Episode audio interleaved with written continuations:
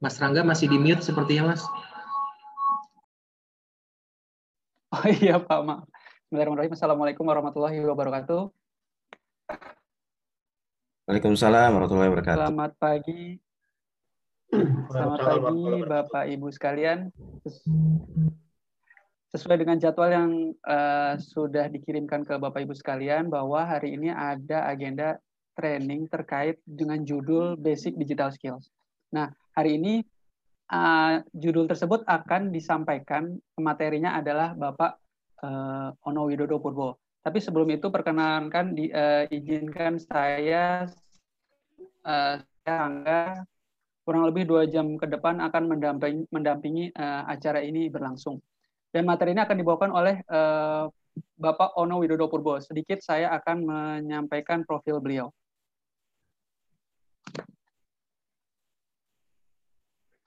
Nah, Pak Ono ini uh, lahir di Bandung, Jawa Barat, 17 Agustus 1962. Uh, beliau adalah seorang tokoh dan pakar di bidang teknologi informasi asal Indonesia. Selain pakar, beliau juga dikenal sebagai penulis, pendidik, dan pembicara seminar. Dan Ono juga aktivis, dikenal sebagai aktivis dalam upaya memperjuangkan Linux, karya inovatif di antaranya adalah Wajan Bolik. Nah, kemudian uh, beliau uh, lulusan teknik elektro ITB 1981, kemudian lanjutkan pasca sarjananya di McMaster, di McMaster University, Kanada, mendapatkan gelar PhD dari University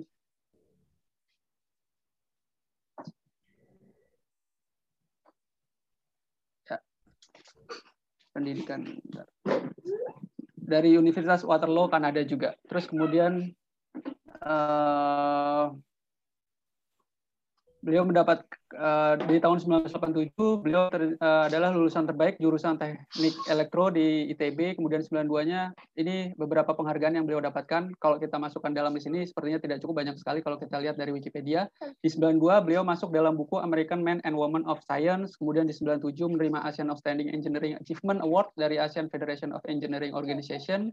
Kemudian di uh, ini beliau di tahun 2020 beliau mendapat menerima Postal Service Award dari Internet Society. Kemudian di 2020 uh, eh, beliau juga menerima CDCN Jakarta Award 2020 kategori Innovation and Technology dari Jakarta Development Collaboration Network. Mungkin uh, itu beberapa profil yang dapat kami sampaikan. Kalau misalnya banyak lagi sebenarnya penghargaan yang beliau dapatkan. Uh, sebelum kita masuk ke pemateri Pak Ono, uh, akan disampaikan sedikit opening speech dari Pak Rio. Boleh silakan Pak Rio untuk menyampaikan speech-nya terkait uh, latar belakang training ini. Silakan Pak. Oke, uh, terima kasih. Uh, suara saya bisa terdengar ya Mas Enggak? Terdengar Pak, jelas. Oke, oke, oke. Uh, baik, Assalamualaikum warahmatullahi wabarakatuh. Semangat pagi. Assalamualaikum warahmatullahi wabarakatuh. Oke. Waalaikumsalam Pak. Selamat pagi. Iya. Selamat pagi. Jadi eh, sebelumnya saya ucapkan uh, terima kasih uh, atas kesediaan teman-teman untuk mengikuti training ini. Terutama juga kepada Pak Ono. Pak Ono hadir Pak ya? Oh ya Pak. Selamat datang Pak Ono. Terima kasih. Walaupun kita hanya bertemu secara virtual Pak ya, Uh, saya mewakili CKB uh, eh, mengucapkan banyak terima kasih Pak Ono sudah uh, bisa hadir di training ini menjadi narasumber dan uh, tentunya teman-teman uh, tidak asing lagi ya dengan Pak Ono ya. Uh, ya kalau mungkin ada yang belum masih belum kenal bisa search di Google lah ya. Jadi kalau singkatnya beliau ini ya tadi sudah disebutkan Mas Rangga salah satu pakar IT atau bisa dibilang topnya pakar IT lah di Indonesia. Jadi sudah banyak kontribusi beliau untuk mengembangkan uh, mengembangkan teknologi uh, informasi di Indonesia. Oke, okay. uh, eh, jadi training ini uh, merupakan training perdana uh, hasil kolaborasi uh, kami dan tim uh, HR uh, untuk bisa mengembangkan uh, kemampuan IT secara mendasar kepada teman-teman semua terutama eh, dalam hubungannya bagaimana kita dalam menjaga keamanan data eh, dan informasi. eh, baik secara pribadi eh, maupun eh, data pekerjaan atau eh, data kantor. Dan eh, hal ini penting sekali bagi kita, eh, terutama sebenarnya yang eh, kami yang mendasari hari ini ada dua hal sebenarnya eh, yang kenapa kita mengadakan training ini. Jadi pertama dengan adanya eh, kondisi WFH ya teman-teman, eh, ini banyak aturan pembatasan eh, orang bekerja di kantor, terus kemudian juga sekarang ada eh, lebih ketat lagi ya dengan adanya ppkm eh, terbatas. Eh, jadinya tuh penggunaan internet rumah, terus kita bahkan menggunakan tethering atau menggunakan HP kita untuk melakukan transaksi itu menjadi hal biasa lah yang kita lakukan. Uh, itu kaitannya sama transaksi, uh, misalnya transaksi pribadi, misalnya kita melakukan order uh, barang atau kita melakukan pembayaran suatu barang yang melalui online, uh, melalui handphone kita. Kemudian uh, ada maupun juga kita melakukan transaksi yang ada hubungan dengan pekerjaan kita di kantor. Dan tentunya kedua itu transaksi yang pribadi, transaksi yang di kantor itu kita inginkan semuanya aman gitu ya kita dalam menjalankan transaksinya. Maksudnya aman adalah kita bisa menjaga data pribadi kita maupun data kantor kita sehingga tidak bisa disalahgunakan uh, oleh orang yang tidak berkepentingan. Uh, terus kemudian yang kedua, uh, ini kita sedang uh, CKB sedang dalam proses transisi mengenai menggantikan sistem aplikasi IT kita dengan satu sistem yang terintegrasi ya, satu platform yang terintegrasi, mulai dari proses pencatatan order, customer, kemudian proses billingnya, lalu juga hubungannya dengan proses pembayaran ke vendor itu akan dalam satu sistem yang terintegrasi. Dan nantinya semuanya itu akan bisa diakses dari device apa pun, dari HP teman-teman langsung, dari tablet, dari ya PC, dari laptop gitu ya semuanya uh, kita bisa gunakan untuk mengakses uh, transaksi uh, pekerjaan kita. Sehingga keamanan data ini uh, dan transaksi menjadi hal yang uh, sekali lagi sangat penting diperhatikan oleh teman-teman uh, semua gitu. Uh, jadi kedua hal uh, itu yang uh, menjadi perhatian kami sehingga kami merasa perlu membekali rekan-rekan semua dengan uh, training ini. Oke, uh, saya rasa hal tersebut saya saya sampaikan Mas Rangga. Uh, terima kasih sekali kepada teman-teman semua sudah hadir dan selamat mengikuti training. Uh, silakan Mas Rangga. Terima kasih Pak Ono. Monggo Pak. Terima kasih. Sama-sama, terima kasih. Mungkin langsung saja uh, saya serahkan waktunya ke Pak Ono. Silakan Pak Ono untuk menyampaikan materi hari ini. Silakan Pak. Oke, terima kasih Pak Rangga, Pak Rio, dan teman-teman semua. Selamat pagi. Assalamualaikum warahmatullahi wabarakatuh. Uh, Waalaikumsalam warahmatullahi wabarakatuh. Waalaikumsalam warahmatullahi wabarakatuh. Waalaikumsalam warahmatullahi wabarakatuh. Baik, terima kasih. Uh, saya share screen aja langsung ya, biar gampang ceritanya. Ini undangan yang saya terima, jadi materinya ada lima pada dasarnya. Jadi dasar keamanan informasi, keamanan password, keamanan email, keamanan gadget, perangkat bergerak, dan perilaku aman di dunia online. Jadi itu materinya kira-kira sekitar itu. Cuman teknik neranginnya akan saya balik. uh, kalau saya neranginnya gini, nggak boleh ini, nggak boleh itu, password harus seperti ini, harus seperti itu, pasti bosen lah, pasti Anda tidur lah dua jam. Jadi saya akan balik teknik neranginnya adalah bagaimana caranya orang melakukan serangan ke situ. Jadi biar kelihatan banget uh, sebetulnya orang nyerang itu seperti apa sih? Itu yang pertama. Jadi polanya akan seperti itu. Dan kalau ada pertanyaan silahkan ketik di chatting. Jadi silahkan ketik di chatting supaya bisa langsung saya jawab uh, supaya bandwidth uh, supaya bisa lancar juga kalau boleh saran sih uh, layar video bisa silahkan dimatiin sih saya nggak keberatan. Jadi layar video silahkan dimatiin supaya lancar. Terus supaya yang anda yang pakai 3G segala macam juga aman uh, jaringannya. Jadi yang penting itu uh, apa pertanyaan silahkan terus di chatting gitu ya. Sekarang saya akan masuk ke ininya dulu. Uh, kalau ada apa-apa, ini kontak saya, ada Twitter, ada email. Nah, sebetulnya materinya ada di sini sih sebenarnya, berbentuk kuliah. Eh, opencourse.ittsasid. Ini free, bisa diakses. Sebetulnya kalau teman-teman di CKB ada eh, orang diklatnya, terus diklatnya punya e-learning pakai Moodle, bisa di copy sih sebenarnya free. Jadi ini kalau enggak juga silakan masuk ke open course ITTS ACID dan teman-teman bisa ngerjakan kuliah namanya Internet Safety. Di situ ada ujiannya, silakan dikerjain. Gitu ya. Ini saya copy paste ya ke chatting biar bisa diambil semuanya. Ini saya copy paste, saya masukin ke chatting. Oke. Yang hitam sebelah kanan itu uh, chattingan sih. Jadi saya monitoring chatting di situ. Oke. Jadi silahkan diambil aja.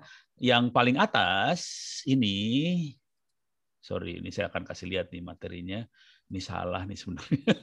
ini tentang internet Indonesia beda, uh, beda seminar. Seminarnya BPKP, BPK. Oke, ini ini seminar BPK. Uh, mundur satu, eh alah, salah lagi. Jadi materinya ada yang berbentuk ini, apa sih namanya? Berbentuk file.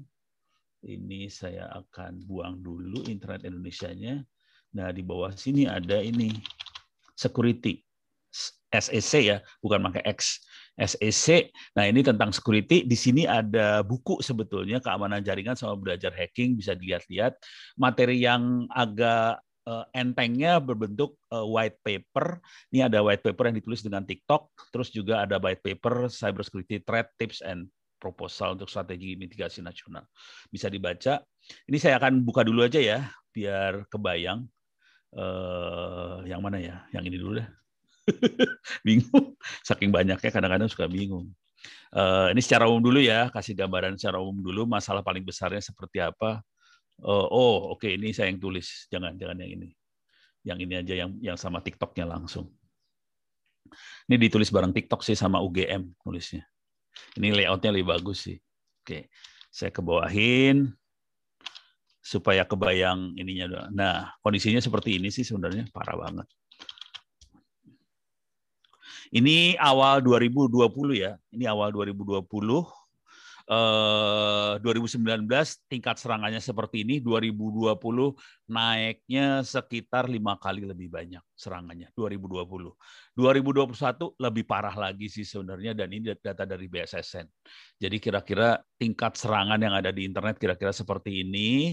Terus serangan yang paling besar kalau nggak salah di bawah sini. Mana ya? Ini dia. Nih. Uh, 83 persen jumlah perusahaan di tanah air dihack. Kemudian eh, ini April 2000 ini yang tadi sebenarnya 88 juta serangan dan sebagian besar adalah eh, penipuan sih sebenarnya dalam bahasa sederhananya. Bentar, ada sini nggak? Oh di, di slide yang satunya lagi. Eh, Oke, saya harus masuk ke yang ini berarti. Jadi serangannya jumlahnya jutaan, 83 persen itu dihack, serangan paling besar adalah yang ini sih sebenarnya. Ini dia. Ini serangannya serangan, uh, sorry, phishing, ransomware, sama uh, defect bukan. Defect udah advance-nya. Ntar, uh, kagak ada, nggak ditulis. Uh, berarti di slide yang satunya lagi. Jadi serangan paling besar adalah uh, penipuan dalam bahasa hackingnya adalah social engineering. Jadi kira-kira gitu gambaran umumnya. Sekarang saya kasih lihat lagi. Ini beres ya. Sekarang saya kasih lihat lagi statistik yang yang ininya. Statistiknya ini diambil dari CNN, teman-teman CNN. Saya gedein aja kondisinya seperti ini. Oke, biar kebayang aja sih. Ups. Oke. Ini kebocoran data di Indonesia sejak 2020. Jadi 2020 ke 2021.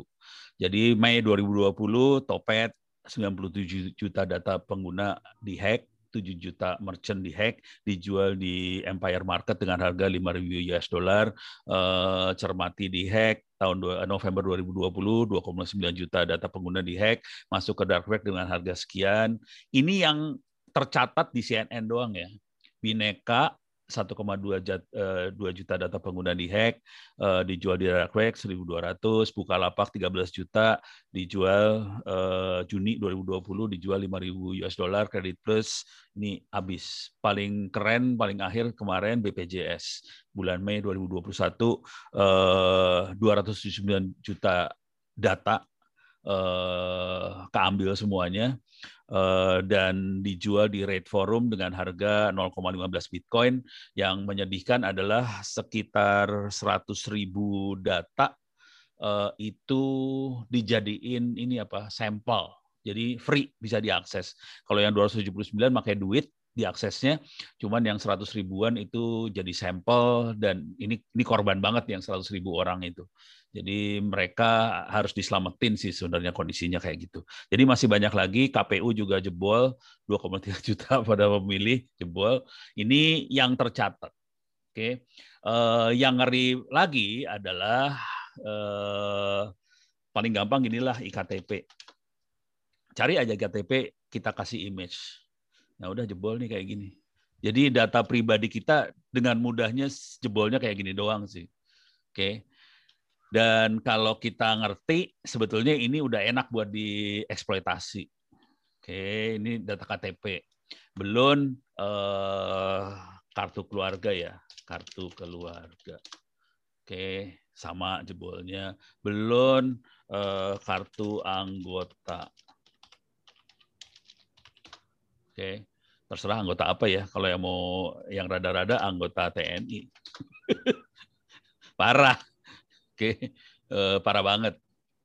Uh, kalau yang lain-lain ya tinggal diatur aja sih keywordnya jebol semua. Kalau mau agak lebih ngeri lagi, kita masuk ke Play Store. Masuk ke Play Store google.com, kita masukin kata kuncinya iktp aja. Oke, dan ini banyak banget iktp, jangan khawatir. Uh, kita lihat selagi. Bisa Anda download sih jadi iktp ini maksudnya dibikin aplikasi supaya eh, TPS, KPUD dan sebagainya bisa ngecek eh, si orang yang mau nyoblos. Cuma datanya dilepas. Akibatnya orang pada bikin aplikasi seperti ini dan pada dasarnya kita bisa ngambil KTP orang senak jidat sih sebenarnya. Dan ini yang BPJS itu lebih parah lagi soalnya eh, termasuk eh, password ya uh, uh, kan kalau kita lagi autentikasi kadang-kadang ditanya nama ibu siapa segala macam. Nah itunya juga lepas sekalian. Jadi uh, password atau autentikasinya ada juga di situ. Jadi seru tuh ceritanya kisahnya seru. Ya ini yang ini yang kejadian. Segini gampangnya data kita lepas. Nah kenapa sampai Pario dan teman-teman pengen seperti ini anda-anda? Ini saya yang ngerasain bukan di Cikabe doang ya jadi sudah sejak hampir setahun inilah, paling nggak enam bulan terakhir apa eh, itu dahsyat banget sih. Eh, ada berapa bank sampai minta saya juga seperti ini sama aja, Bank Indonesia, BRI, BNI, terus juga ada lagi beberapa perusahaan yang lain sama, semua kisahnya sama. Jadi pengen supaya semua karyawannya mengerti tentang keamanan uh, cyber. Kenapa itu terjadi? Terutama ini di dunia perbankan ya. Kalau bank itu selama ini karyawan datang ke kantor untuk ke bekerja. Dan selama ini orang IT cukup mengamankan uh, jadi pagernya tuh kantor. Jadi kita pergi ke kantor, semuanya aman di dalam kantor dan semuanya dibikin pertahanan dengan asumsi kita ada di kantor. Setelah kita work from home, WFH dan sebagainya, uh, pagar kantor ini jadi bocor karena karyawannya tidak lagi kerja di kantor, kerjanya di rumah masing-masing. Akibatnya serangannya jadi agak tidak bisa terkontrol, kira-kira kayak gitu. Karena uh, kita kerja dari rumah, orang bisa nyerang. Oke, kira-kira kayak gitu filosofinya. Kalau uh, saya ceritain dikit di teman-teman Bank Indonesia, itu teman-teman IT Bank Indonesia sampai membuat ini saya kasih lihat kuliahnya langsung ya. Eh, alah jadi kuliah tadi yang saya sebutin internet safety ini ada di sini Jadi teman-teman bisa masuk ke open course ITTS ACID terus masuk ke internet safety. Jadi ini silahkan di copy sih sebenarnya. Jadi kalau di CKB ada diklat, terus ada e-learningnya, silahkan di copy di sana dan bisa teman-teman bisa ngerjain ini kuisnya. Tapi kalau mau ngerjain di ITTS juga silahkan aja sih. Kalau udah berhasil dengan dapat nilai uh, bagus, ini bisa diklik uh, dan teman-teman bisa ngambil ininya langsung sih.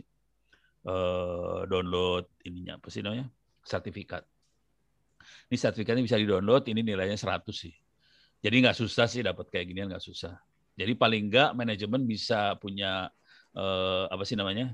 pertanggungjawaban uh, nilai Anda berapa gitu. Dan ini free loh, jangan khawatir Jadi ini ada dasar keamanan informasi, perlu keamanan di dunia online, cyberbullying, ada bagaimana mengatasi kecanduan konten negatif, keamanan password, keamanan email, keamanan gadget, eh, keamanan media sosial seperti tadi yang ada di ini ya, di surat undangan. Kira-kira kayak gitu. Jadi materinya ada semua. Nah, sekarang saya eh, ini kira-kira kayak gitu dan sekarang saya kasih lihat yang realnya. Orang-orang banyak nanya ke saya pakai chatting atau pakai komen di YouTube. Oke, saya akan ganti account dulu. Saya switch account ke account saya Ono Center. Oke, saya akan kasih lihat bagaimana sedihnya pakai internet itu sedihnya kayak gimana. Dan ini banyak hampir tiap hari sih ini stop dulu. Saya masuk ke manage video. Saya masuk lagi ke komen. Oke, uh, saya pengen ngecek, kasih lihat ini close. Ini saya akan pengen cari eh, ini jangan. Nah ini saya akan ambil dengan kata kunci ditipu. Saya gedein ya. Oh kegedean banget. Oke. Uh, ini saya bacain supaya ngasih lihat bagaimana penderitaan orang di internet yang ditipu dan ditipunya nggak kepalang loh hati-hati. Kang Ono, saya minta tolong, saya baru saja ditipu, uh, akun gamenya dicuri oleh seseorang, mungkin anggap sepele, tapi saya karena akun game saya niatnya saya jual untuk biaya istri melahirkan. Tapi malah ditipu, akun saya diminta, uh, tapi dia uh, kabur. Jadi dia ngambil akunnya, nggak bayar, kabur, duitnya semua diambil. Oke, bayangin ini untuk uh, biaya istri melahirkan. Jadi ordernya nggak 100 ribu, 200 ribu ini. Duit yang ada di sini, ordernya berapa juta rupiah diambil orang. Ini kayak gini ya. Nah, terus yang ini. Kebanyakan yang yang ini kenanya, yang ini akun game. Ya. Uh, saya ada teman punya akun game uh, eh, FF tuh apa lupa ya. Dicuri 2, 4 juta rupiah Oke, yang yang hilang duitnya. Oke, uh, di sini sebenarnya saya sempat bikinin bagaimana prosedur kalau terjadi eh, hal-hal seperti itu, apa yang harus kita lakukan, lapor polisi dan sebagainya, perlu persiapan apa aja supaya bisa lapor polisi. Tapi jujur polisi itu susah buat follow up. Oke, karena dia nggak punya anggaran juga barangkali untuk follow up. Jadi kita yang harus aktif follow up uh, ngejar dan sebagainya akhirnya kita. Kalau kita punya duit bisa bayar polisi untuk melakukan itu semua. Tapi kebanyakan kita nggak punya uang, jadi kita harus melakukan itu semua sendiri sih sebenarnya. Tapi dengan surat surat uh, lapor polisi tadi kita bisa uh, ngomong ke banknya, ke Facebooknya, ke mana segala macam supaya bisa diproses. Kira-kira kayak gitu. Cuman uang yang sudah ditransfer biasanya nggak bisa balik sih karena ada peraturan di banknya, ada kayak rahasia eh, nasabah dan sebagainya. Jadi urusannya berabe sebenarnya kalau udah sampai duit ditransfer. Dan korbannya salah satunya istri saya sendiri sih, dua setengah juta rupiah kena. Kenanya, aduh penipuannya blow on banget sih sebenarnya. Saya ceritain dikit lah yang istri. Uh, jadi akun Facebook temennya yang dihack. Uh, temennya ini pernah minjem uang buat uang sekolah anaknya. Jadi dia pernah pinjam uang dan kita kasih, terus uangnya dibalikin nggak ada masalah.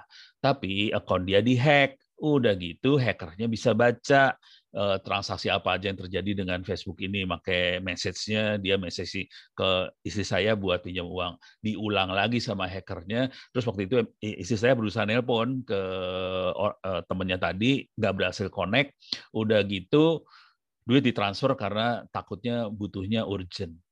Padahal itu dihack. Pas berhasil ditelepon, temennya kaget. Wah, ya sudah, duitnya udah ketransfer, udah kacau, udah ceritanya. Oke. Okay. Uh, eh, ini juga ketipu lagi. Oke, okay, akun YouTube saya, kakak, aku ditipu, kak, please. Nah, terus ini juga uh, ini ini CS, bentar, bentar, ada lagi. Nah, ini nih. Pak, tolong bantu saya, teman saya habis ketipu 27 juta Pak untuk bayar melalui dompet wallet, dana GoPay, transaksi mau jadi agen, agen top, top, uh, top up diamond, tapi malah ketipu. Oke, lapor ke polisi katanya tidak ada respons. Ya emang gitu polisi. lapor ke polisi cuma isinya dapat ini doang, surat sudah pernah lapor, selesai, titik habis. Oke. Uh, saya pernah ditipu kode verifikasi habis 700 ribu, uh, ada lagi yang pernah ketipu uh, uh, 20, 58 juta gara-gara masker Pak, tolong. Jadi itu banyak sekali. Dan ini hampir tiap hari loh saya dapat email seperti ini orang ditipu. Oke, jadi teknik pertama. Jadi kalau kita ngerti yang namanya sistem, sistem itu ada servernya, ada firewallnya, ada adminnya, ada kantornya, ada manajemen dan sebagainya. Itu tidak diserang. Serangannya lebih susah kalau nyerang yang itu. Eh, bukan tidak serang ya, tingkat serangannya lebih kecil sih sebenarnya. Jadi server itu tingkat serangannya lebih kecil. Karena biasanya sudah dikuatin sama manajemen, mereka invest firewall, invest software, segala macam, kuat banget. Serangan akan terjadi bukan di server. Serangan kalau kita melakukan serangan, kita akan melakukan serangan pada titik paling lemah. Titik paling lemah bukan server. Titik paling lemah adalah user. Titik paling lemah adalah nasabah. Jadi yang diserang nasabah atau usernya. Gitu. Dan ini korban-korbannya kayak gini. Eh, dan sialnya polisi kita kebanyakan sibuk untuk mengamankan para pimpinan lah, para menteri lah, eh, direktur dan sebagainya. Tapi kalau rakyat biasa kita mereka udah kehabisan anggaran, kehabisan anggota juga. Jadi rakyat biasa biasanya lewat semua. Jadi makanya akhirnya mereka teriaknya ke Ono. Lah Ono kan cuma satu orang ya, stres Ono juga. Kira-kira kayak gitu kondisinya ya. Nih, jadi banyak banget kayak gini jangan khawatir. Oke, udah kebayang kan? Jadi tingkat serangannya seperti itu, serangannya horor. Horor banget, horor banget. Saya kasih cerita eh, nggak ada di sini sih, nggak ada di catatan catatan yang di komen-komen ini kisah eh, rekor penip jadi penipuan tujuannya ada biasanya ada dua tujuan sih. Serangan itu ada dua tujuan. Eh, satu urusannya fulus duit, satu lagi syahwat. Kalau syahwat biasanya eh, nggak sedahsyat fulus. Jadi kebanyakan serangan urusannya duit. Oke, eh, rekor eh, korban yang saya tahu adalah 2 miliar rupiah. Ini seorang ibu di Pondok Indah, tapi bukan saya nanganin, kemudian ada teman yang kontak langsung berhubungan. Jadi dia yang cerita ke saya. Jadi ibu di Pondok Indah kenanya 2M. yang penyerangnya dari Nigeria. Kira-kira kayak gitu. Eh, nanti tekniknya saya jelasin. Terus eh, dengan teknik yang sama ada korban. Kalau ini langsung komunikasi ke saya. Eh, ini ibu di Klaten kenanya sekitar 300 juta rupiah. Oke. Dengan teknik yang agak di bawah itu keponakan istri saya perempuan juga dia kenanya pulsa pulsa doang. Jadi transfer pulsa, transfer pulsa. Eh, kemudian ada juga temannya keponakan istri saya yang lain lagi, ini perempuan juga yang kena, eh, dia korbannya adalah laptop sama handphonenya dia. Oke, sekarang saya ceritain tekniknya. Ini ini kaum pria yang ada di Zoom ini dilarang untuk mempraktekkan. Eh, jadi korban teknik penipuan yang seperti ini biasanya ditargetkan pada perempuan yang sukses, yang mapan, yang duitnya cukup banyak, dan syukur-syukur belum kawin atau cari suami. Oke, ini kejadian sama yang 2 miliar di Pondok Indah dan kejadian juga yang sama dengan yang di Klaten yang 300 juta. Uh, jadi mereka cari suami, kalau cari suami orang Indonesia yang rambutnya hitam agak susah, uh, maksud bukan susah ya, kayaknya nggak bonafit kali ya, mungkin rezekinya nggak terlalu bagus, makanya mereka carinya di internet, yang kemungkinan rezekinya lebih bagus. Dan kalau di internet kan gampang banget ya, mau cari cowok ganteng kan cuma masuk Google kayak gini doang kan? Cowok ganteng cowok ganteng. Ini buat dua dua-duanya sih kejadiannya. Nah kan langsung dapat cowok-cowok ganteng kayak gini.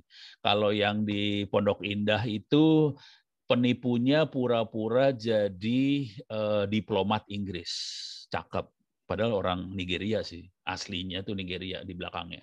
Jadi yang kalau yang di Klaten itu orang Malaysia Oke, uh, mereka komunikasi uh, pakai email, pakai media sosial dan sebagainya. Kalau yang di Klaten kebetulan saya dia komunikasi langsung sama saya, dia kasih lihat header emailnya, memang benar dari Malaysia sih kelihatan banget dan itu koordinasi langsung sama uh, Interpol. Oke, dan tekniknya adalah car, eh, apa pacaran lewat internet dan sebagainya. Terus waktu mau kawin mulai wah kan tahu sendiri kawin sama orang Indonesia kan macam-macam ada surat numpang nikah lah, ada surat inilah, surat itu dan itu semuanya jadi duit sih. Jadi akhirnya ditransfer duit, transfer duit, kirim duit, kasih duit, ya udah bubar. Duitnya lepas semua. Uh, oh ini ada ada pertanyaan dari Mas Rizky ya setelah install aplikasi pada smartphone, aplikasi minta izin untuk akses foto, SMS, call, map, gallery. Apakah aplikator bisa mengakses full isi device smartphone ketika memberikan izin uh, allow pada aplikasi? Jadi ini ada pertanyaan kalau kita install aplikasi di handphone. Ini nggak apa-apa ya, agak loncat-loncat gitu nggak masalah ya. Jadi sambil nerang ini nanti saya terangin yang ini. Jadi uh, ini urusannya keamanan gadget. Jadi kalau ada orang ada aplikasi waktu kita install dia minta izin macam-macam-macam uh, untuk bisa full isi device ketika kita beri pada saat kita berikan izin allow dari aplikasi, si aplikasi itu apakah bisa full? Jawaban singkatnya iya. Sekarang saya kasih lihat cara cara bikinnya. Aplikasi kayak gituan. Parah, jangan khawatir. Ini beneran kejadian. Uh, saya sorry ini loncat ya. Jadi tadi mudah-mudahan udah kebayang teknik Eh, serangannya. Sekarang saya pindah ke arah gadget. Oke, karena ada pertanyaan saya loncat nih. Jadi nggak apa-apa, saya loncat aja. Di sini teman-teman masuk ke Kali Linux. Sorry, saya kasih tahu dulu Kali Linux itu apa. Kali Linux, Kali Linux. Uh, saya bisa jalanin sih nanti. Tapi kalau saya sampai demoin cara bikin banner agak berapa. Ini adalah kali Linux adalah sistem operasi buat uh, yang biasa dipakai untuk hacking. Jadi hacker pakai sistem operasi seperti ini untuk istilah kerennya sih penetration test. Tes untuk masuk ke dalam, tes untuk melakukan penetrasi ke dalam, gitu ya. Ini sistem operasinya free, bisa Anda download. Uh, Ini kalau ini di sini ada download nih. Ini kali Linux kali.org ada download bisa download. Oke. Nah, sekarang uh, jawab pertanyaan yang ini anda, uh, saya akan masuk ke wiki saya, slash wiki. Di sini ada kali Linux. Nah, di bawah sini ada yang rada kacau sedikit. Ada attack Android.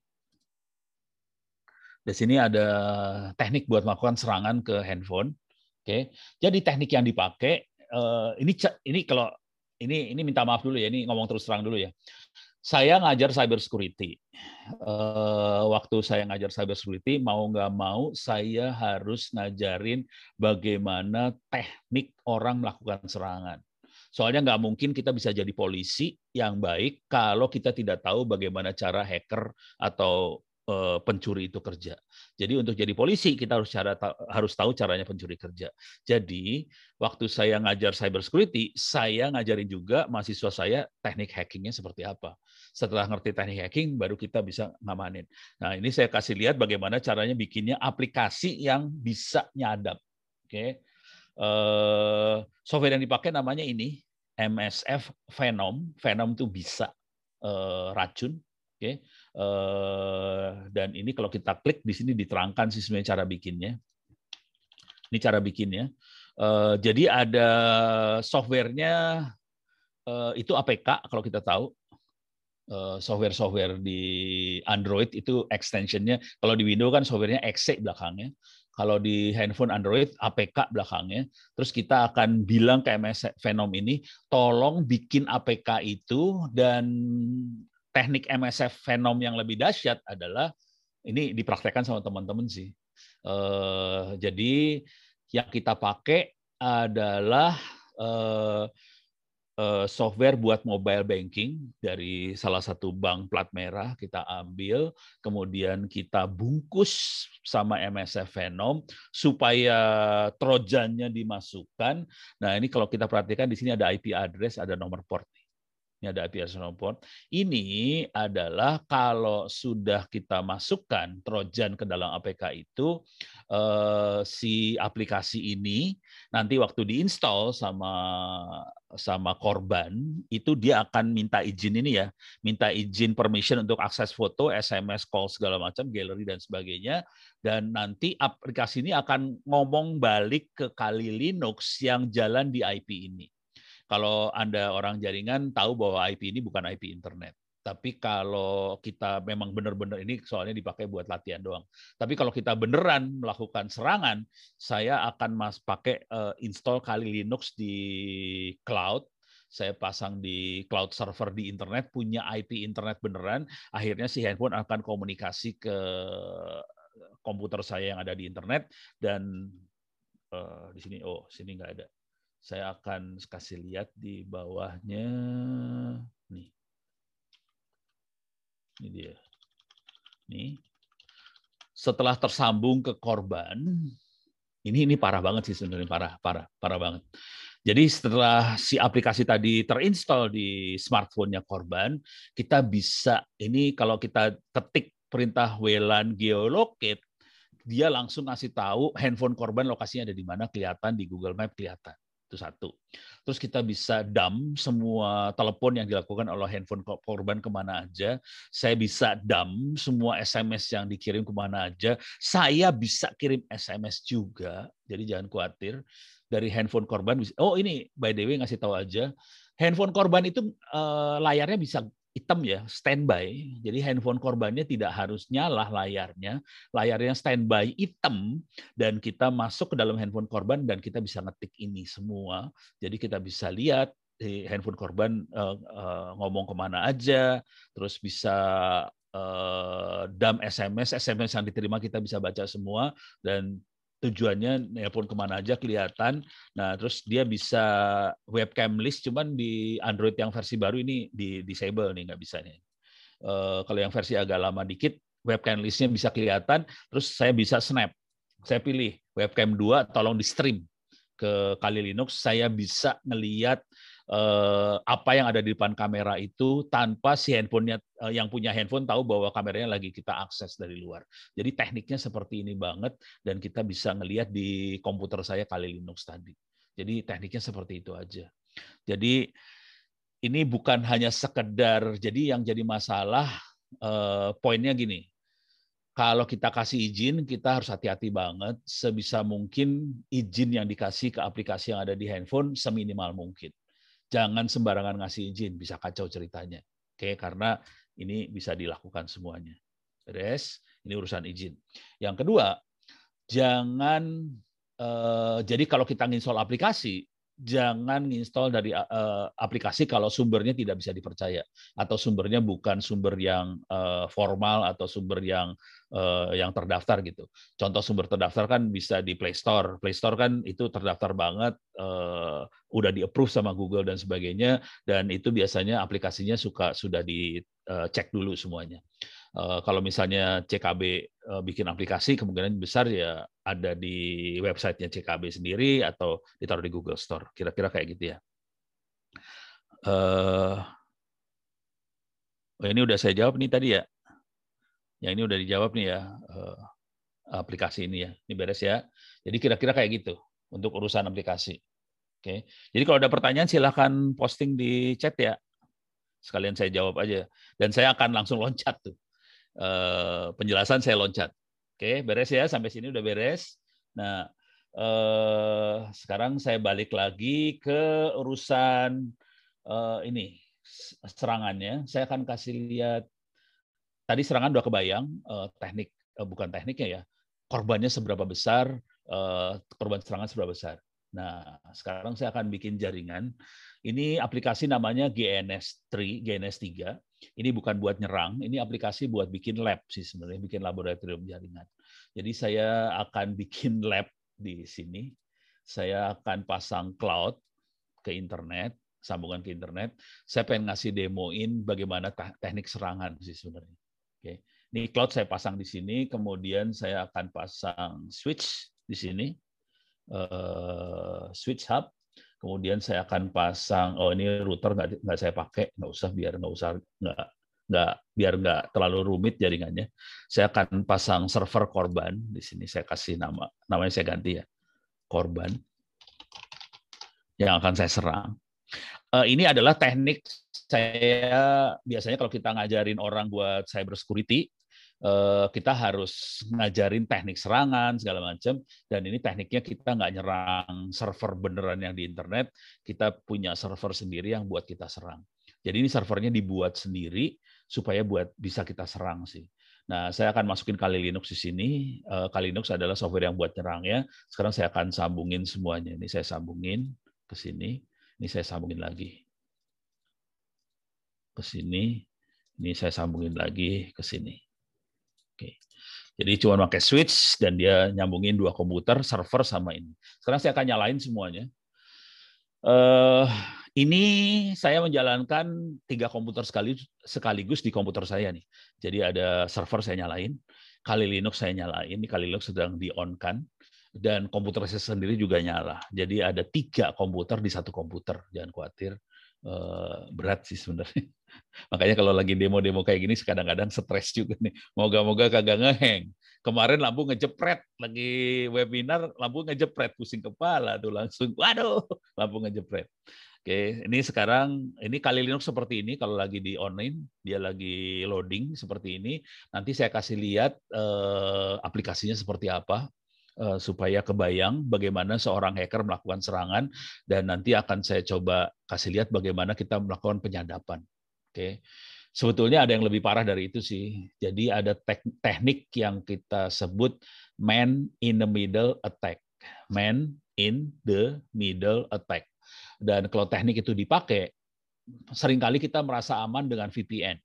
Eh, jadi kalau kita melakukan transaksi harus pakai VPN. Udah gitu kalau transaksi harus HTTPS. Ya aman sih.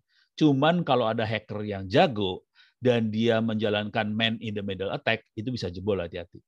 Jadi VPN sama HTTPS yang harusnya aman terenkripsi bisa dijebol dan si hacker bisa ngelihat passwordnya segala macam. Saya kasih ceritanya ntar. Oke, bentuknya cerita kalau didemoin agak kalau untuk uh, untuk orang apa uh, user biasa agak agak stres ngelihatnya. Jadi saya bentuknya cerita aja ntar yang itu. Oke, ini sedang loading. Ini servernya juga sedang loading. Oke, udah dapat IP address. Harusnya sudah mulai loading. Ini masih loading.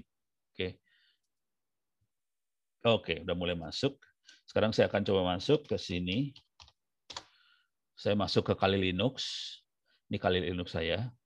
Eh, saya akan kasih lihat sistem operasi macam apa sih yang biasanya kita pakai buat nyerang itu seperti apa. Oke. Ini dia.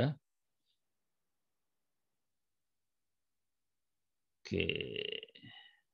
Uh, kok lama banget ya. Oke, lemot. Nah, ini adalah sistem operasinya. Kali Linux kira-kira bentuknya seperti ini. Oke.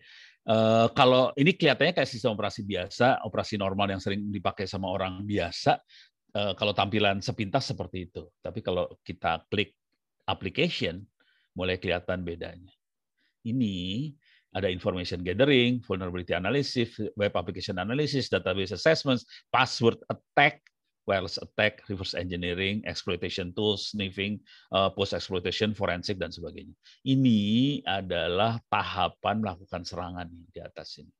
1 2 3 4 5 6 7 8 sampai 10 itu tahapan serangan. Jadi kalau kita melakukan serangan, ya kayak TNI lah, militer, kalau melakukan serangan kan dia nggak akan langsung nyerang biasanya akan melakukan mata-mata dulu, itu information gathering.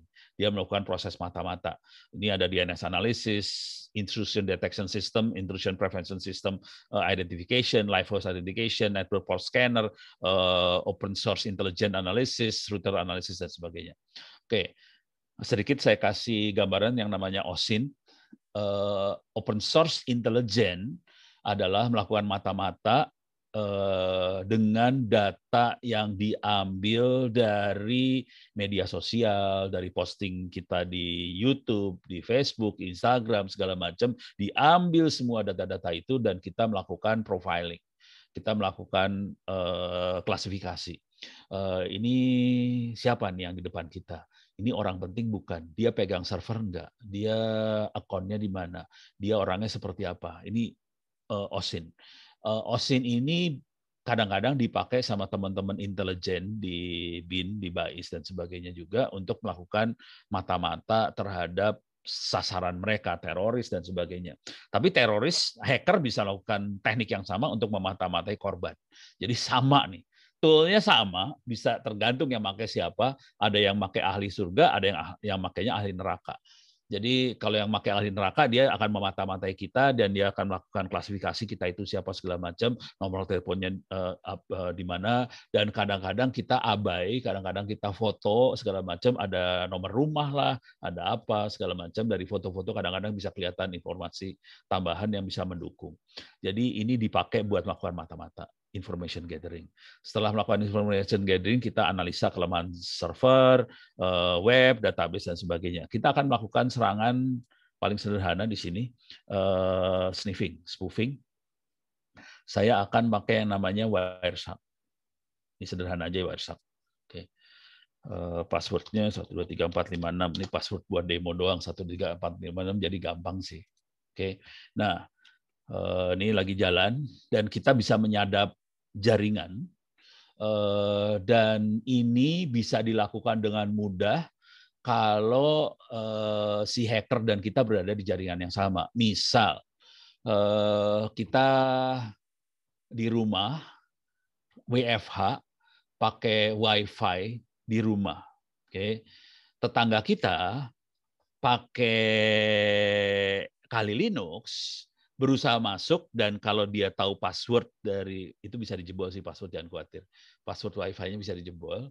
Eh, dan kalau dia bisa jebolin password wifi-nya dia bisa jalanin aplikasi seperti ini supaya uh, Wireshark ini supaya uh, dia bisa nyadap uh, transaksi yang terjadi di di rumah kita. Oke? Okay? dan untuk ngejebolin sering kali kita harus membuat wifi kita bisa komunikasi jarak jauh. Cara paling gampang adalah pakai antena penggorengan seperti ini wajan bolik ya.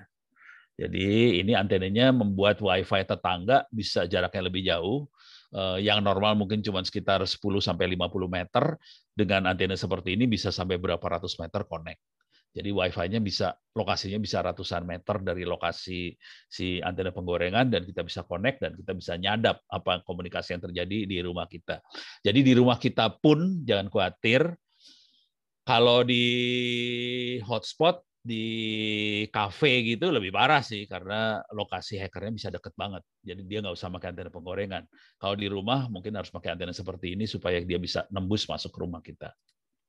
Oke, uh, ini sedang uh, diaktifin. Dan untuk pemula biasanya kita cuma butuh dua menu aja. Pertama capture, yang satu lagi analisa. Saya akan coba capture ngasih lihat start. Oke, dia udah mulai capture sekarang. Uh, paket uh, dicatat. Ini semua paket-paket yang berhasil dia dengar masuk ke sini dicatat. Oke okay. saya belum melakukan analisa. Saya akan ngasih lihat ini servernya sudah on. Saya butuh tahu ininya dulu IP-nya berapa. Nomor IP-nya berapa saya kagak tahu IP-nya berapa saya masuk dulu. Uh, clear layar if config. IP-nya adalah 192.168.0.179 jadi saya ada di server nih. Ini ada di server. Saya butuh nomornya doang 192.168.0.179 karena ini IP dikasih otomatis dari jaringan di rumah saya. Ups, salah klik. Saya dari sini aja. Oke. Oh, belum dibuka. Saya masuk ke terminal.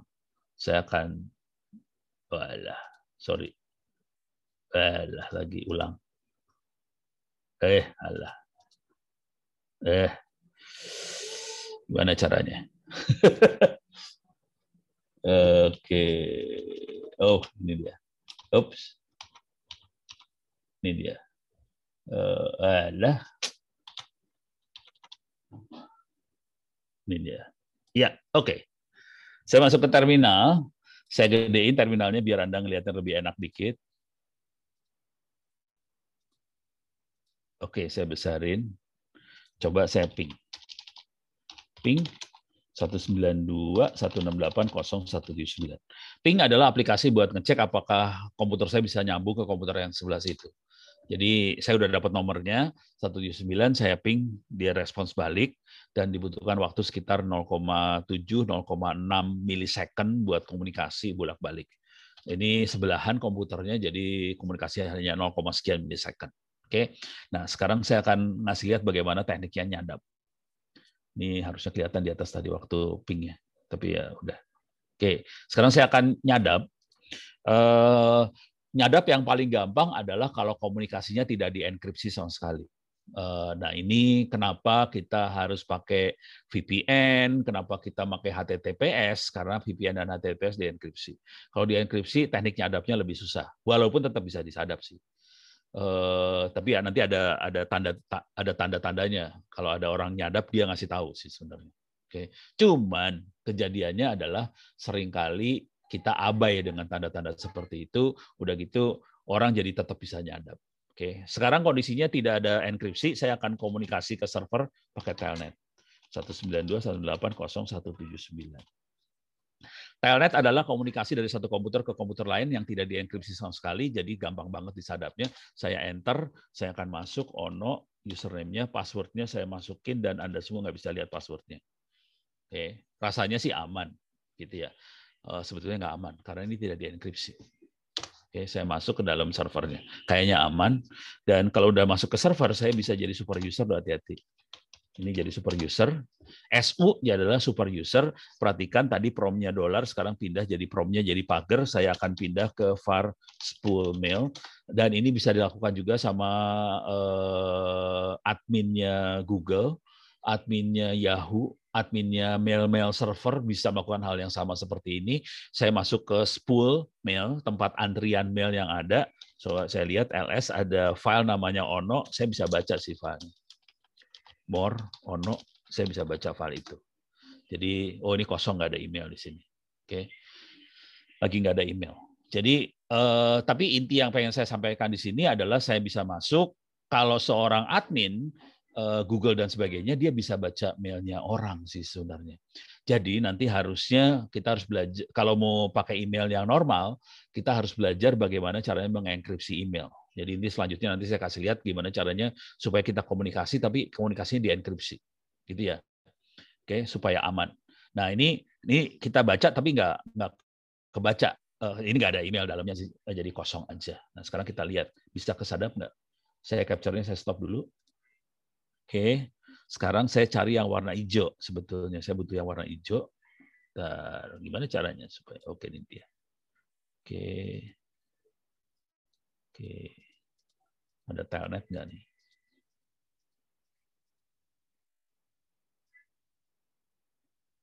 Nah, ini dia telnet telnet. Ini ada telnet telnet telnet. Telnetnya kecang, eh, ketangkep di sini. Saya cukup ambil satu paket aja, klik sembarangan paket telnet. Saya pakai telnet Eh, kita bisa lihat isinya sih. Ini cuma isinya O, datanya O doang dikirim.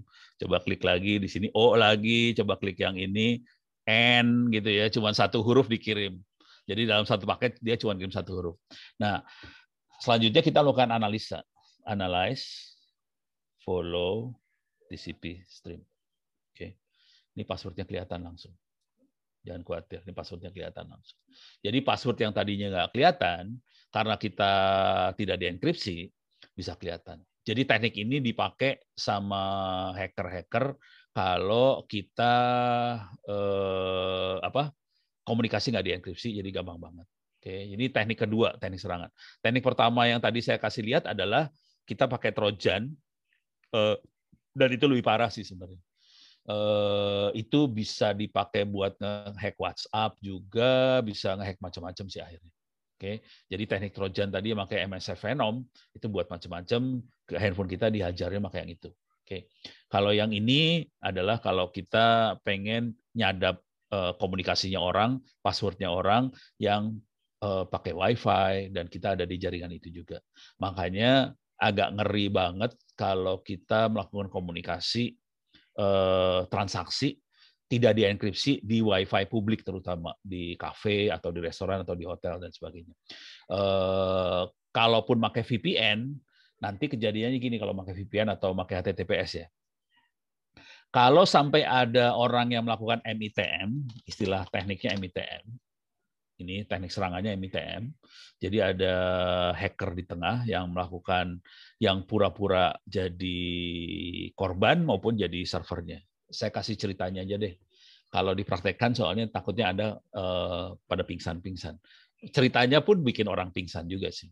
Jadi kejadiannya adalah saya sama teman saya Gildas, kita berdua di kafe uh, di WiFi yang free, hotspot free. Kemudian Gildas menjalankan MITM di laptopnya dia. Dan ini dia bisa monitor. Jadi MITM kira-kira cara cara kerjanya gini. Si hacker akan bilang ke semua komputer yang di jaringan bahwa saya adalah internetnya loh. Jadi kalau kita mau komunikasi ke internet, semua trafficnya tidak dikirim. Kalau WiFi kan biasanya ngirim ke hotspotnya langsung. Ini nggak ke hotspotnya, jadi kita nipu hotspotnya dan usernya ditipu semua, kita pura-pura jadi hotspotnya. Jadi akibatnya semua komunikasi tadi dikirim ke laptopnya si hacker ini dan dari sini dikirim ke sana. Biasanya ini teknik ini dipakai sama mahasiswa di kampus untuk nyekek bandwidth. Jadi eh, kita tipu semua jaringan di kampus. Ini kalau mahasiswa ya. Kalau mahasiswa kan fakir bandwidth. Jadi dia tipu semua jaringan di kampus, dia akan bilang semua jaringan saya adalah internetnya. Jadi kalau mau ke internet lewat saya. Udah gitu dicekek semua bandwidthnya satu-satu, eh, masing-masing dikasih bandwidth yang kecil-kecil aja. Akibatnya kita punya bandwidth yang kenceng. Kira-kira itu yang normal di kampus. Tapi kalau hacker, dia akan lebih sadis daripada itu. Eh, dia tidak akan nyekek bandwidth, soalnya yang hacker-hacker yang senior biasanya bukan kaum fakir bandwidth. Jadi dia bandwidth tidak akan dicekek. Yang dilakukan adalah dia akan monitoring komunikasi antara laptop ini sama server yang ada di luar. Dia komunikasi di monitoring lewat komputernya dia. Kenapa bisa dimonitoring? Karena walaupun dia HTTPS, dia akan komunikasinya tetap ke servernya hacker, nanti dikirim keluar dan waktu sampai ke servernya hacker ini HTTPS-nya dibuka enkripsinya. Jadi kita bisa lihat komunikasinya karena enkripsinya dibuka di sini. Jadi karena kita jadi proxy, kita ngebuka komunikasinya, enkripsinya, dikirim ke sebelah sana. Dan kejadiannya waktu itu adalah eh, dia nyolek saya si Gildas waktu itu kemarin. Eh, ini kayaknya ada yang mau masuk ke klik BCA. Bener, kejadian. Masuk ke klik BCA dia. Dia diamin dulu sama Gildasnya, masuk dari klik BCA, nanti uh, masukin password kan, biarin aja masukin password. Udah gitu balikin klik biasanya uh, page-nya dibalikin lagi. Page awalnya balik, balikin lagi ke hacker ini kan. Pas masuk ke hacker ini ditambahin informasinya sebelum sana.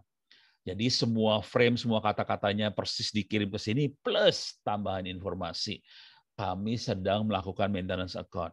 Mohon masukin password lagi ya orang kan ngelihat ada frame-nya sama, semuanya sama, ada informasi maintenance account, masukin password lagi. Masukinlah pakai OTP password tadi. Walaupun dia one time password eh, pakai OTP, tapi kan OTP-nya yang generate adalah OTP dari customer sebelah sini. Ya udah, masuk ke sini padahal di webnya Klik BCA tidak ada eh, maintenance password. Ya udah, kita punya password. Password ini dipakai apa? Buat apa? Transfer duit kejadian bener transfer duit. Ini kita transfer duitnya yuk kita transfer. Bener transfer duit sialan bajingan asli. Transfer duit ya kalau jahat sih bisa sadis sih. Kan transfer tuh berapa ya? Tiga jutaan ya maksimumnya ya. Ya udah uh, ini kon ada duitnya berapa ya? Ditransfer aja tiga juta. Selamat dah transfer tuh duit bener. Tapi kan uh, biasanya kalau transfer duit kan dua kali OTP ya, dua kali kasihin password. Kalau kita lagi maintenance account bilang aja minta passwordnya lagi buat autentikasi lagi. Dapat dua password, langsung transfer duitnya gitu. Jadi itu teknik yang dipakai. Ini MITM namanya uh, dan tanda-tandanya seperti ini kalau terjadi MITM. Uh, uh, trusted web. Jadi layar Anda bentuknya kayak gini ntar. Waktu pertama kali connect ke klik BCA ya. Jadi waktu pertama kali connect ke klik BCA atau uh, uh, apa uh, web yang lagi dihack itu akan keluar seperti ini. Uh, this connection is untrusted gitu ya. Uh, mana sih? This connection is untrusted. Ada kata-kata kayak gini. Dan kejadiannya sama klik BCA dan teman-temannya itu ini sebenarnya kita lakukan ini buat ngetes sih sebenarnya. Buat ngetes sistem, ngetes si customer service di BCA eh, di di perbankan waktu itu ya. Jadi waktu ngetes kan keluar kayak ginian terus kita iseng dong nelpon sama customer service-nya. Eh customer service, ini ada tulisan saya lagi masuk ke internet banking Anda ada tulisan this connection is untrusted. Terus apa yang harus kita kerjain? Udah gitu kan internet kalau customer service-nya tidak apa? tidak pandai, yang dikerjain sama customer service adalah dia akan bilang gini, e, klik next next next next aja pak, biar jalan lagi. Udah gitu aja. Ya klik next, ya udahlah ke hack. Jadi ke hacknya karena customer service-nya tidak tidak terlalu pandai. Jadi ini ini adalah uh, proses seorang pentester ngetes sistem. Jadi kita ngetes sistem uh, waktu itu emang sistem bank yang lagi dites sekalian ngecek ke customer service-nya. Ini customer service-nya ngerti apa kagak sih? Ternyata customer service-nya kagak ngerti. Ya sudah jebol deh. Gitu, beres ya. Jadi teknik kejebolinya seperti ini. Kalau yang lebih parah. Jadi walaupun Anda pakai HTTPS, walaupun Anda pakai VPN, jebol, jangan khawatir. Bolong-long di sini. Beres ya. Oke. Oke, sekarang saya terusin lagi. Ini sudah it's password udah beres, sudah dapat password. Udah beres, udah dapat. Nih, ini beres ya password. Uh, sekalian tadi saya kasih lihat yang ceritain tentang MITM. Oke, nggak saya praktekin. Praktekin lebih kacau, ntar pusing kepala. Nah, sekarang saya akan coba kasih lihat lagi teknik serangan yang lebih parah lagi. Uh, tekniknya adalah uh, tadi phishing. Oke, saya akan buka ini. Dan ini korbannya serius loh ini. Eh, penipuan. Eh, korbannya duit yang hilangnya nggak sejuta dua juta, ini duit yang hilang ratusan juta. Dan korbannya nggak satu orang dua orang, korbannya eh, banyak banget orangnya. Dan ini mungkin akan dekat banget dengan apa yang dilakukan oleh CKB. Oke, uh, saya kasih lihat aja ininya dulu ya. 179 tadi 109 ya Oke. Nah, oke. Saya masuk ke sini. 1, 2, 3, 4, 5, 6. Passwordnya itu kan. Bisa.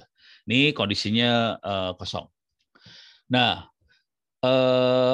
teman-teman uh, CKB mungkin beruntung karena CKB tadi Pak Rio udah nyebutin bahwa sedang dibikin aplikasi yang semua jadi satu dan transaksi apa segala macam nanti ada payment barangkali apa eh, order payment dan sebagainya yang udah jadi satu aplikasi dan Anda bisa akses lewat web.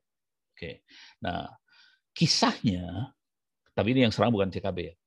Eh berapa tahun yang lalu, beberapa tahun yang lalu lah lupa tepatnya saya udah lupa. Tapi BCA eh, waktu itu uh, ngundang saya. Kono, bisa nggak kita roadshow? Kedua kota doang sih, Jakarta sama Surabaya. Karena korban yang berjatuhannya di situ, Jakarta sama Surabaya. Eh, dan korbannya yang salah bukan BCA sama sekali, yang salah bukan BCA, yang salah adalah nasabah BCA-nya. Yang diserang nasabah BCA. Teknik nyerangnya sih blow on banget juga sih.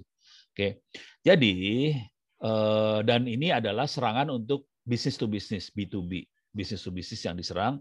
Eh, serangannya adalah Eh, jadi mereka itu bisnis to bisnis si nasabah melakukan transaksi dengan perusahaan di luar negeri.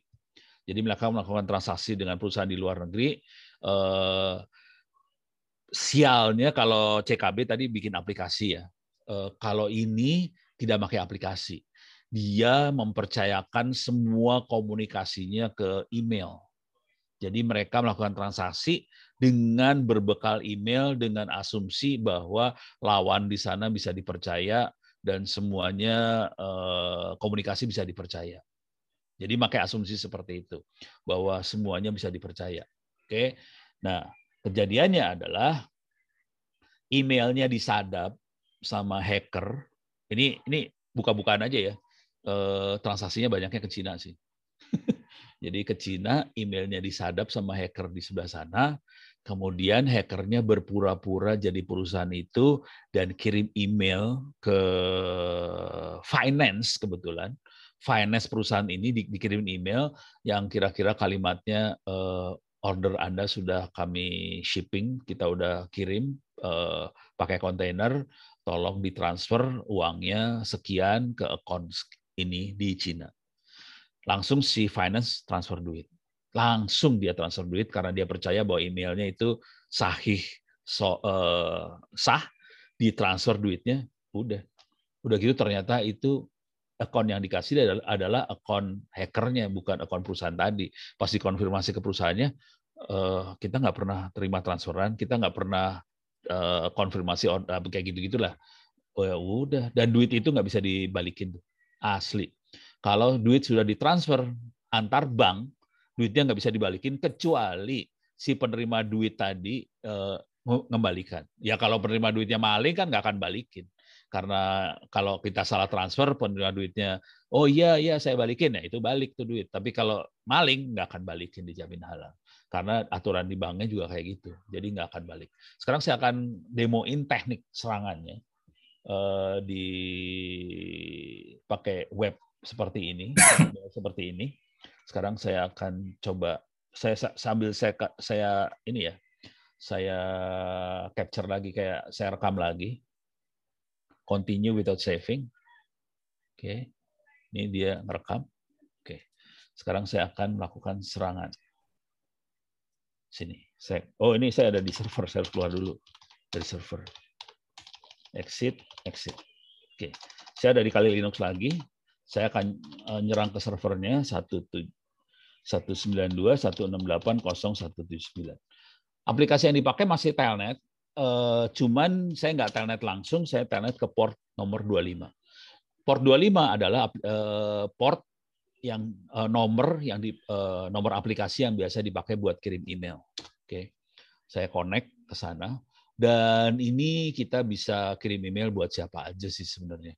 Uh, kita bisa ber Nah, ini jeleknya internet. Kalau kita nggak tahu uh, gampang banget ditipu dengan teknik seperti ini. Jadi uh, teknik kirim email, ngirim email tidak harus pakai aplikasi, kirim email bisa diketik tangan biasa aja. Kalau kita bisa baca Eh, tata cara komunikasi kirim emailnya ya. Dan tata cara komunikasi atau protokol itu dibuka secara terbuka di internet supaya developer orang yang ngembangin, ngembangin aplikasi bisa ngembangin uh, aplikasi buat uh, kirim email tadi. Tapi karena dia bentuknya teks, orang biasa pun bisa melakukan ini. Jadi pertama-tama kalau udah kita connect seperti ini, kita harus bilang hello sih. Hello, saya siapa? Misalnya saya adalah uh, Eh, ckb.co.id. Bisa. Dia percaya. Bisa juga saya bilang ini hacker yang jahat banget lo.com. Bisa juga. Oke, jadi ini ngasih tahu bahwa nama mesinnya adalah ini hacker yang jahat banget lo.com. Terus dia langsung bilang dia kasih angka 22 250. Angka 2 berarti itu oke. Okay. Jadi jawaban oke okay dia kasih kode dengan angka 2. Terus mail from. Nah, ini bisa aja mail from-nya adalah dari uh, sales at uh, pabrik uh, Cina .cn .co.cn misalnya. Oke, di Cina. Dia bilang oke. Okay. Receipt to uh, ono at korban.com. Gitu. Nah, sekarang teksnya udah teks email biasa uh, data. Oke. Okay. Sekarang saya bikin teksnya from sales at pabrikcina.co.cn uh, eh, to ono at korban.com. Oke. Okay. Subject uh, your order has been shipped. Dear sir, your order have been shipped via container today. Gitu ya. Please uh, uh, transfer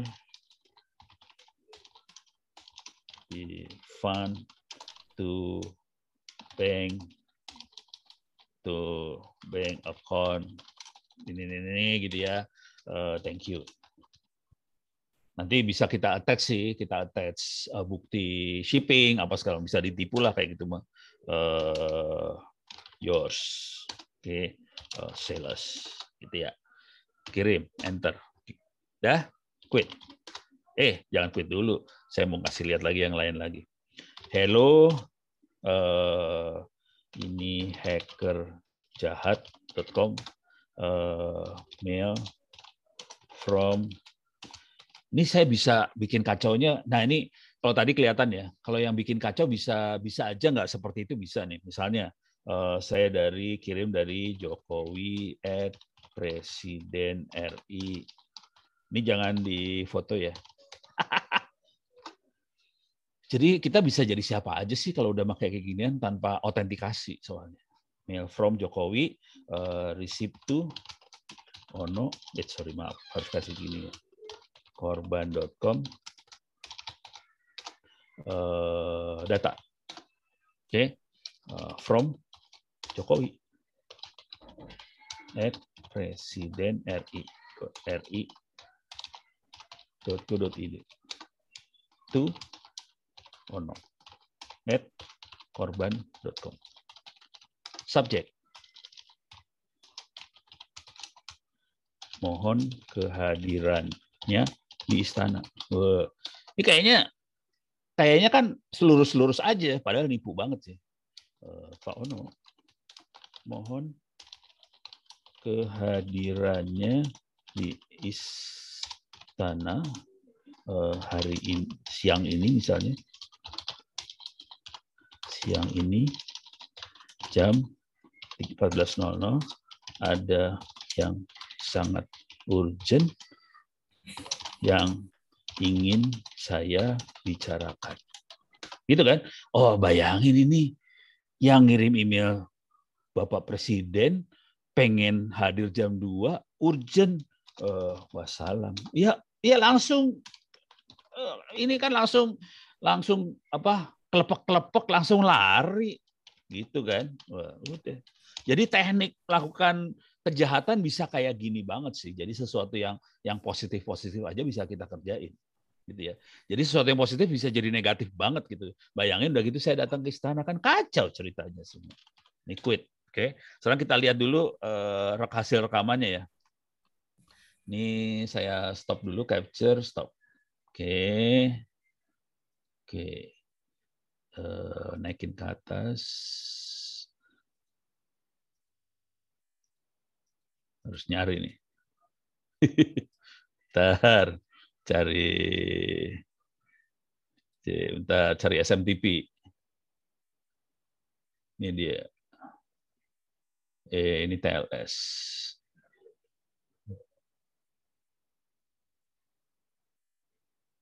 Nah, harus difilter lah. Uh, eh, IP address IP ad, eh, IP address. IP address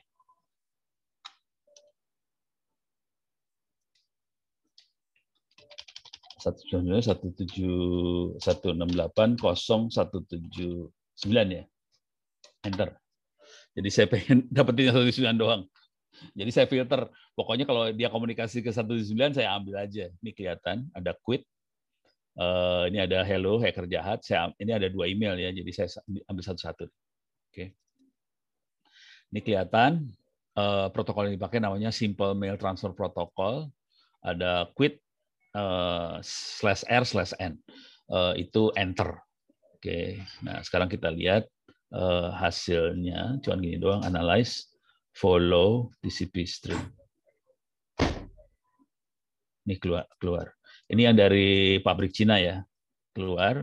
Coba kita lihat lagi yang urusan Jokowi ada di bawah sih harusnya.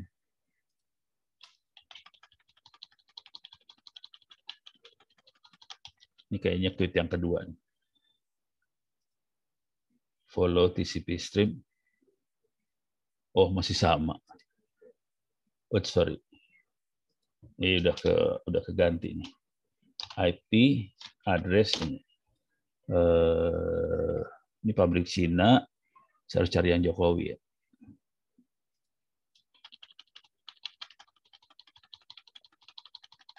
Oke.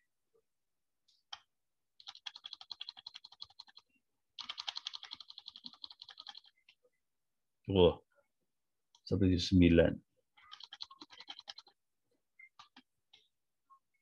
Mudah-mudahan dapat yang Jokowi nih. Mudah-mudahan ini kuitnya doang yang saya ambil. Analyze, follow TCP stream. Ya, masih sama. Yang Jokowi nggak ketemu. Bentar, yang Jokowi nggak ketemu. Kalau nggak ketemu juga ya udahlah, nasib dah. Ya pokoknya percayalah ada ada dua tadi ya, saya kirim ya. Oke, tapi nggak ketemu. Satu lagi nggak ketemu. Parah. Oke, saya tutup aja lah. Oke, sekarang kita lihat hasilnya. Liquid without saving. Kita lihat hasilnya di sini. Ini kelihatan inbox ada dua email masuk. Kelihatan ada dua-dua ya. Saya gedein dikit. Saya ada dua email masuk, saya klik inbox, ada dua email. Satu adalah order dari pabrik Cina masuk. Dan ininya, nah teknik teknik menipunya harus ini form formnya harus kayaknya beneran, eh, kata-katanya harus serius, terus attachmentnya harus disiapin semua segala macam, dan kita bisa meyakinkan orang dan ini finance perusahaan tadi langsung transfer duit beneran gitu ya. Jadi teknik serangannya seblow on ini sih dan ini satu lagi dari Pak Presiden. Oke. Kayak gini aja. Uh, ini mah kelihatan banget nipunya. Bayangkan kalau uh, yang nipu ini pura-pura jadi CEO dari Eh, pelanggan Anda atau apa gitu ya. Jadi bisa se, se, se on itu sih tekniknya. Jadi kita bisa pura-pura jadi siapa, terus udah gitu kasih order apa segala macam. Jadi ini ini terjadi eh, teknik serangan seperti ini terjadi karena email yang kita pakai sama sekali tidak diaktifkan buat autentikasi, buat cek integritas data, buat cek eh, apa sih namanya uh, ini teksnya benar apa enggak. Jadi harusnya diaktifin hal-hal seperti itu diaktifin ya. Autentikasi ini benar-benar dari Presiden RI bukan. Nah, cara ngelihatnya gini sih sebenarnya, cara ngelihat. Ini kalau udah kejadian ya, cara ngelihatnya adalah uh, view full header. Ini saya gedein. Kelihatan ini. Ini dia. Kelihatan bahwa ini yang ngirim bukan presiden id, yang ngirim adalah ini hackerjahat.com. Yang ini juga sama sih. Jadi kalau kita lihat di sini, kita bisa view full header, kelihatan yang ngirim siapa. Oke, jadi cuman yang bisa ngelihat view full header ini kan bukan kalau orang biasa nggak akan melihat ini sih orang biasa. Ini biasanya yang dilakukan oleh forensik. Jadi ahli forensik akan melihat seperti ini. Cuman kalau yang bukan ahli forensik dia tidak akan melihat. Akibatnya dia percaya aja sama apa yang dia lihat di layar seperti ini aja. Jadi korbannya adalah nasabah BCA dan korbannya satu perusahaan bisa kena 200 juta, 300 juta rupiah. Duitnya ditransfer beneran ke Cina. Gitu ya. Cuman gini tekniknya, serangannya kayak gini banget. Sesederhana ini nih. Jadi waktu itu saya di Jakarta, selesai saya demoin seperti ini, turun, langsung saya dirubung sekitar belasan orang, Pak, itu kejadian sama saya. Di Surabaya juga sama, ada belasan orang, itu kejadian sama saya, dan itu yang ditransfer duitnya ratusan juta. Jadi cuman email kayak gini aja ratusan juta udah urusannya langsung. Kacau kan. Beres ya? Nah, sekarang saya akan kasih lihat bagaimana cara ngamanin makhluk ini. Bentar, saya sebelum ini saya pengen ngecek dulu. Eh, jadi password udah ya, gadget udah kasih lihat perilaku aman di dunia, di dunia online tuh kira-kira eh, jangan percaya sembarangan sama orang lah kira-kira kira-kira. Terus jangan posting sembarangan nih. Tadi kan saya kasih lihat kita bisa lihat iktp, KK segala macam. Jadi biasakan kalau posting terus kalau komunikasi sama orang jangan langsung pernah percaya apalagi di internet.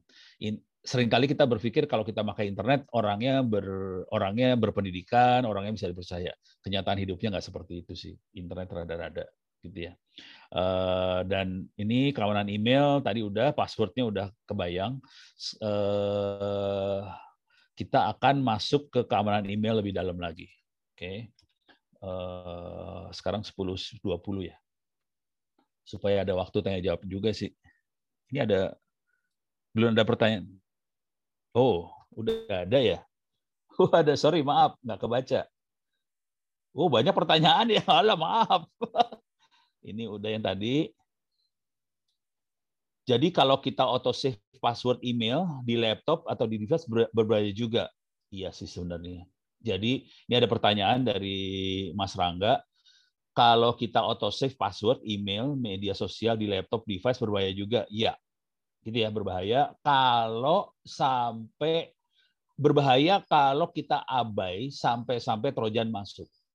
Jadi kalau handphone kita atau laptop kita kemasukan trojan, Trojan akan ngambil password tadi sih sebenarnya. Jadi bahayanya karena ada Trojan yang masuk sih.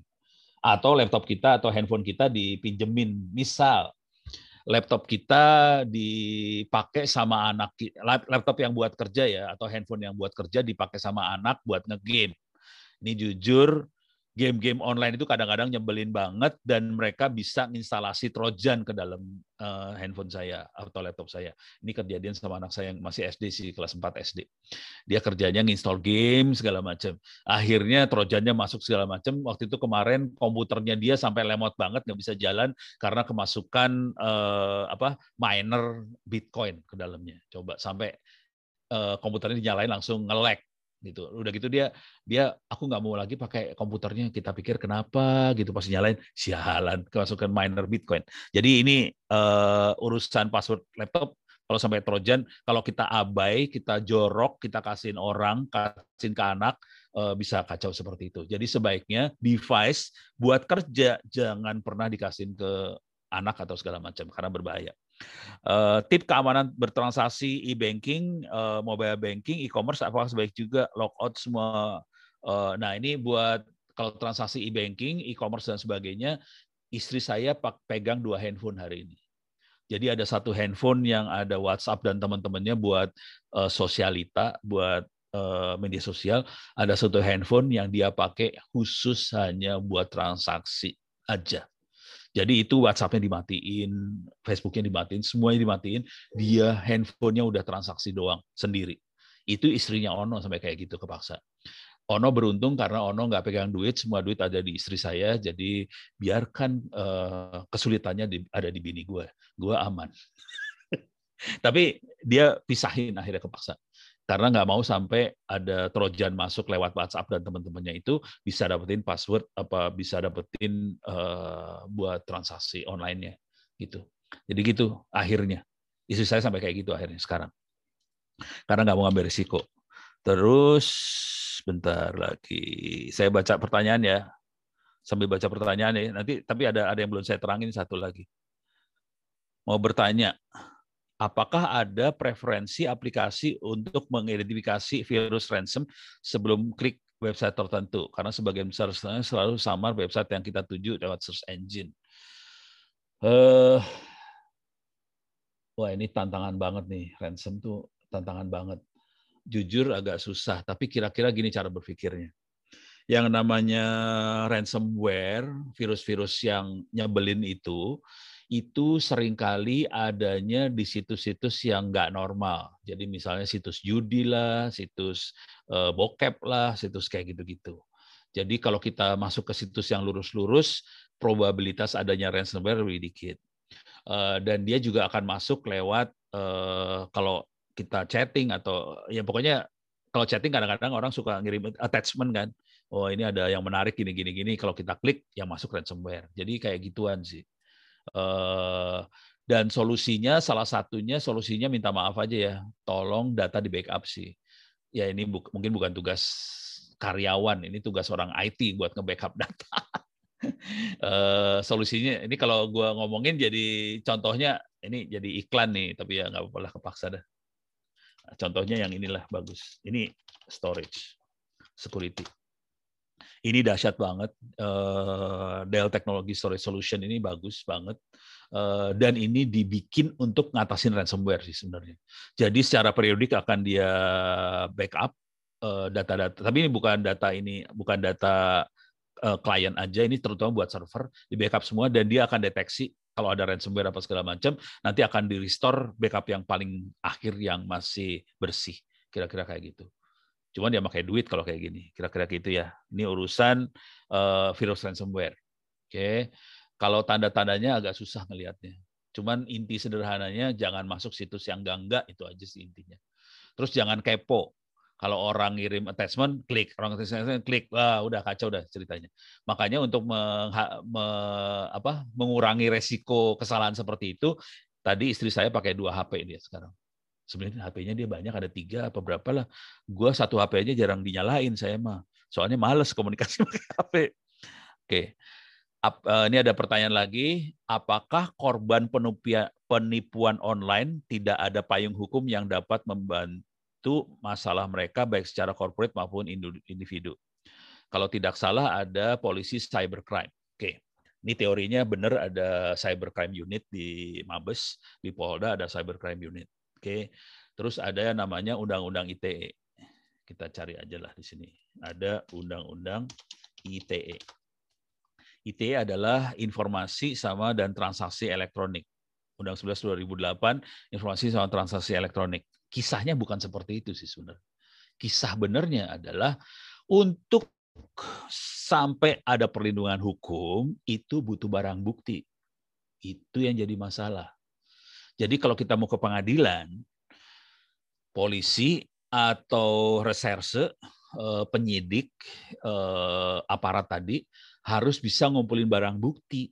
Dan ini ini ini contoh real ya, contoh real. Misal tadi kayak tadi kan banyak orang ditipu di Facebook lah, di Instagram lah, eh, terus transfer duit, barang buktinya apa? Coba capture screen, gitu ya. Dan capture screen itu emang bisa jadi barang bukti. Kan kita tahu sendiri, kalau kita orang IT banget kan kita tahu, yang namanya capture screen itu bisa direkayasa, capture screen itu bisa dirubah memang tidak semua hakim tahu seperti itu. Kita bisa aja bisa bikin capture screen terus kasih ke hakim. Ini buktinya Pak Hakim, sebagian hakim akan percaya dengan bukti seperti itu.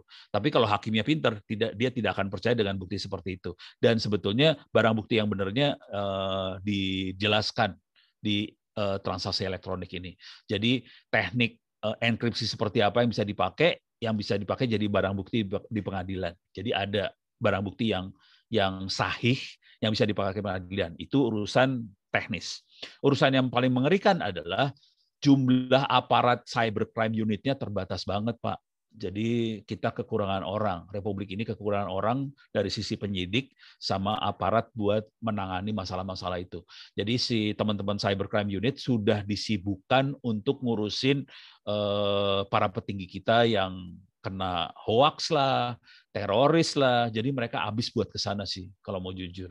Jadi tenaganya habis di sana karena ngurusin hoax, eh, apalagi orang partai di ditipu eh, apa di apa eh, apa di hoaxin kiri kanan segala macam mereka ngejar kan yang yang yang yang posting-posting itu. Jadi aparatnya habis buat kayak gituan. Sementara kita di rakyat kehabisan aparat sih sebenarnya. Jadi kondisi realnya seperti itu, aparatnya habis, barang buktinya juga susah dapat sih sebenarnya.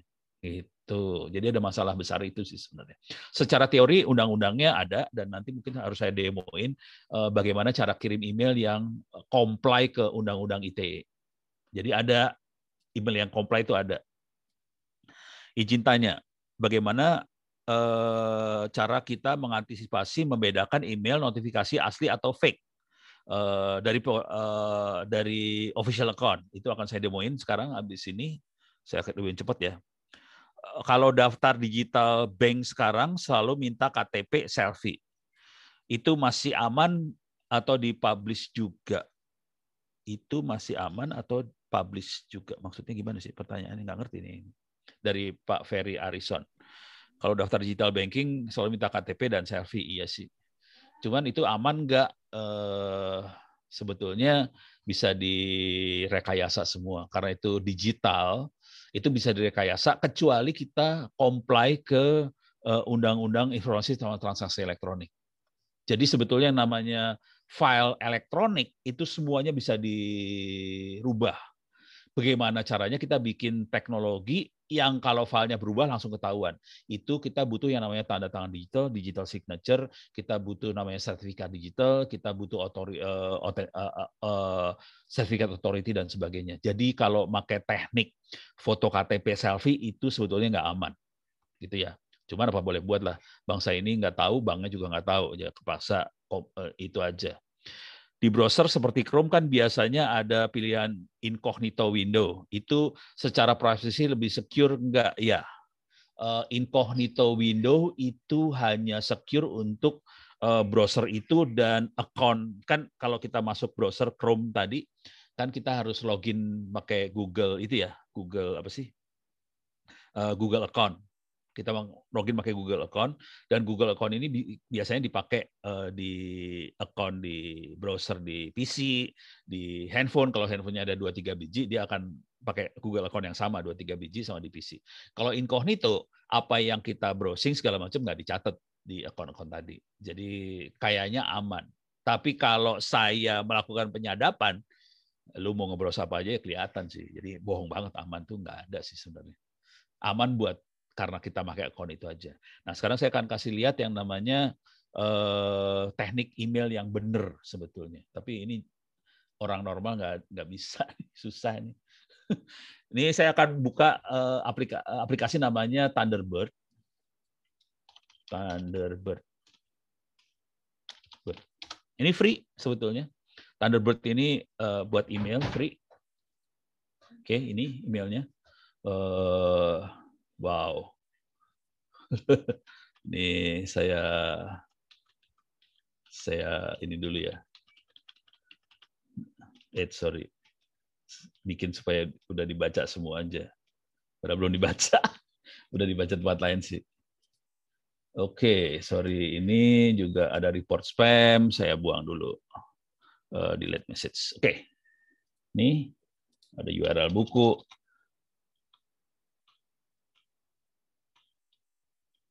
Oke. Okay. Ya. Oh, masih ada 20 mil lagi. Ya udah. Cuman saya akan masuk sini, saya klik salah satu account, kemudian saya akan setting. Di sini kuncinya ada end-to-end encryption. Ada end-to-end encryption-nya di sini. Jadi ini teknik yang dipakai untuk end-to-end encryption ini adalah comply ke Undang-Undang ITE. Jadi sebetulnya uh, sudah built-in di Thunderbird. Uh, sebetulnya teknik yang sama uh, kata kuncinya adalah Open PGP ya. Kata kuncinya adalah Open PGP. Kalau kita install aplikasi buat email, harusnya kita install Open PGP. Nah, di sini saya kasih contoh yang yang ini aja yang pakai ITTS aja ya. Uh, di Open PGP ITTS saya punya uh, key uh, apa identitas. Identitas sudah saya generate, expirednya bulan 8 tanggal 19 berapa bulan lagi uh, akan expired. Oke, okay. jadi saya kasih identitas dan ini bentuknya adalah public key, private key, dan ini nanti uh, harus saya kasih ke lawan bicara saya supaya kita bertukar kunci. Nanti lawan bisa saling, kita berdua bisa saling cek. Jadi kita masing-masing akan, akan key dan kita nanti bisa saling cek. Anda siapa? Benar-benar ono bukan? Uh, nah, saya kasih demo langsung ya. Jadi ada key-nya. Ini saya akan ini saya tutup dulu. Nah, saya akan kirim email, write mail.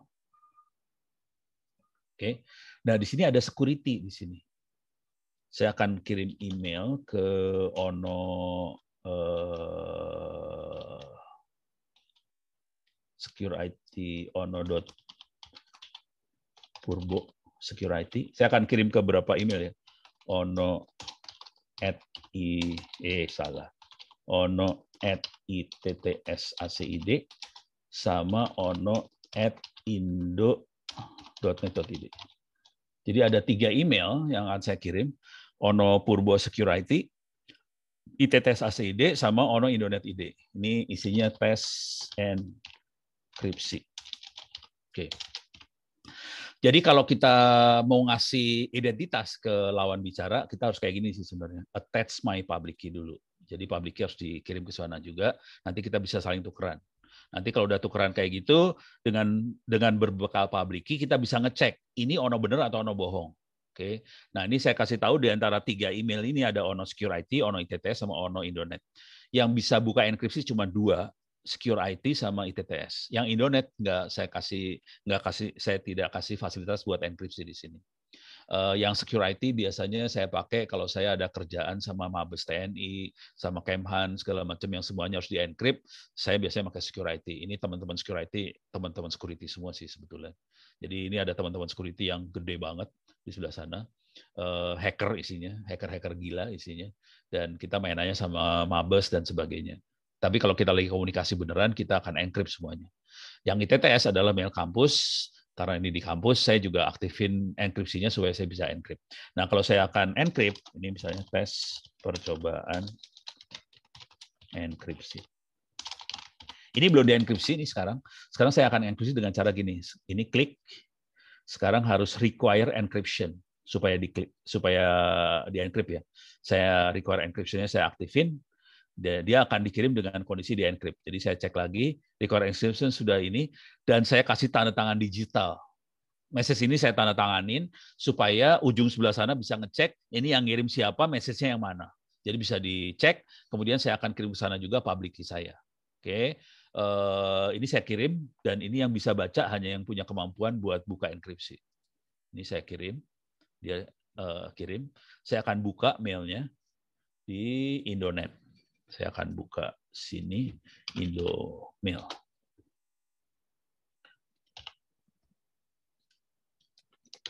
Tuh mailnya udah masuk. Oke. Uh, nih kelihatan ada Onowe Purbo ITTS, subjeknya titik-titik-titik. Nggak ada subjeknya. Padahal kalau ingat tadi subjeknya saya bikin tes ya.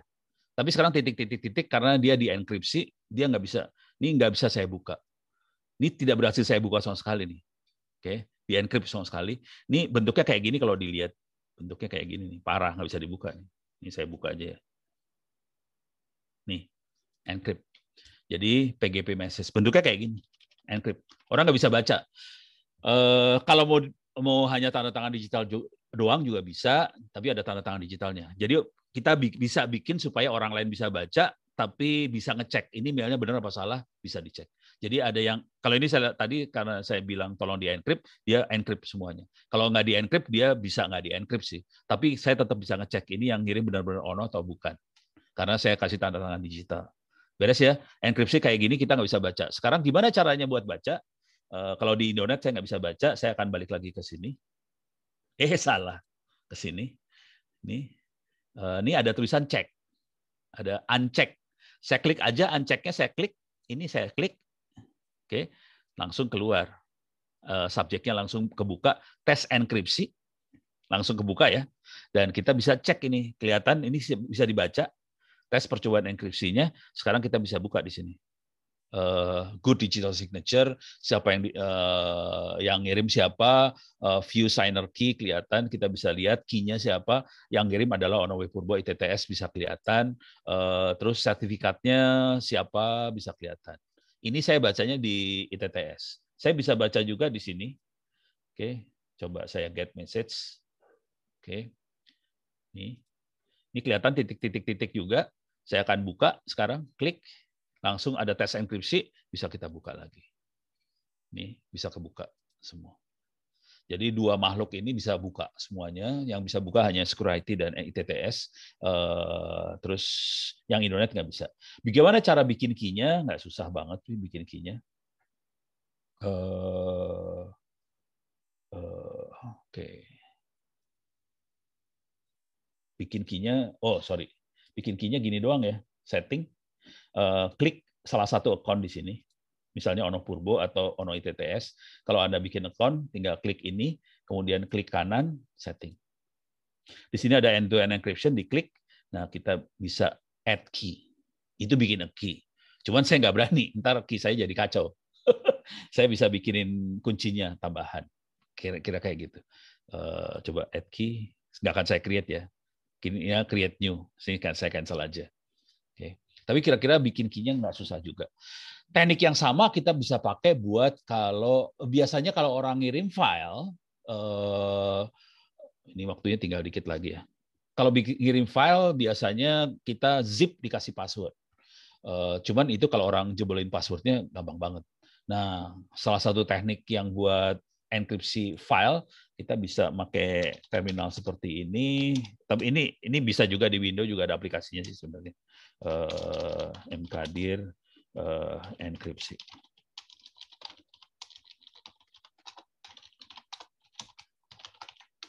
Uh, GNU eh GPG. Eh. Ah,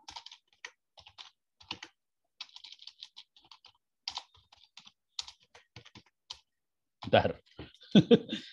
Bentar. Tekniknya ada di sini sih sebenarnya. Itu bagian dari kuliah. Cuman kok kenapa gue jadi lupa ya. GNU PG. Saya akan demoin uh,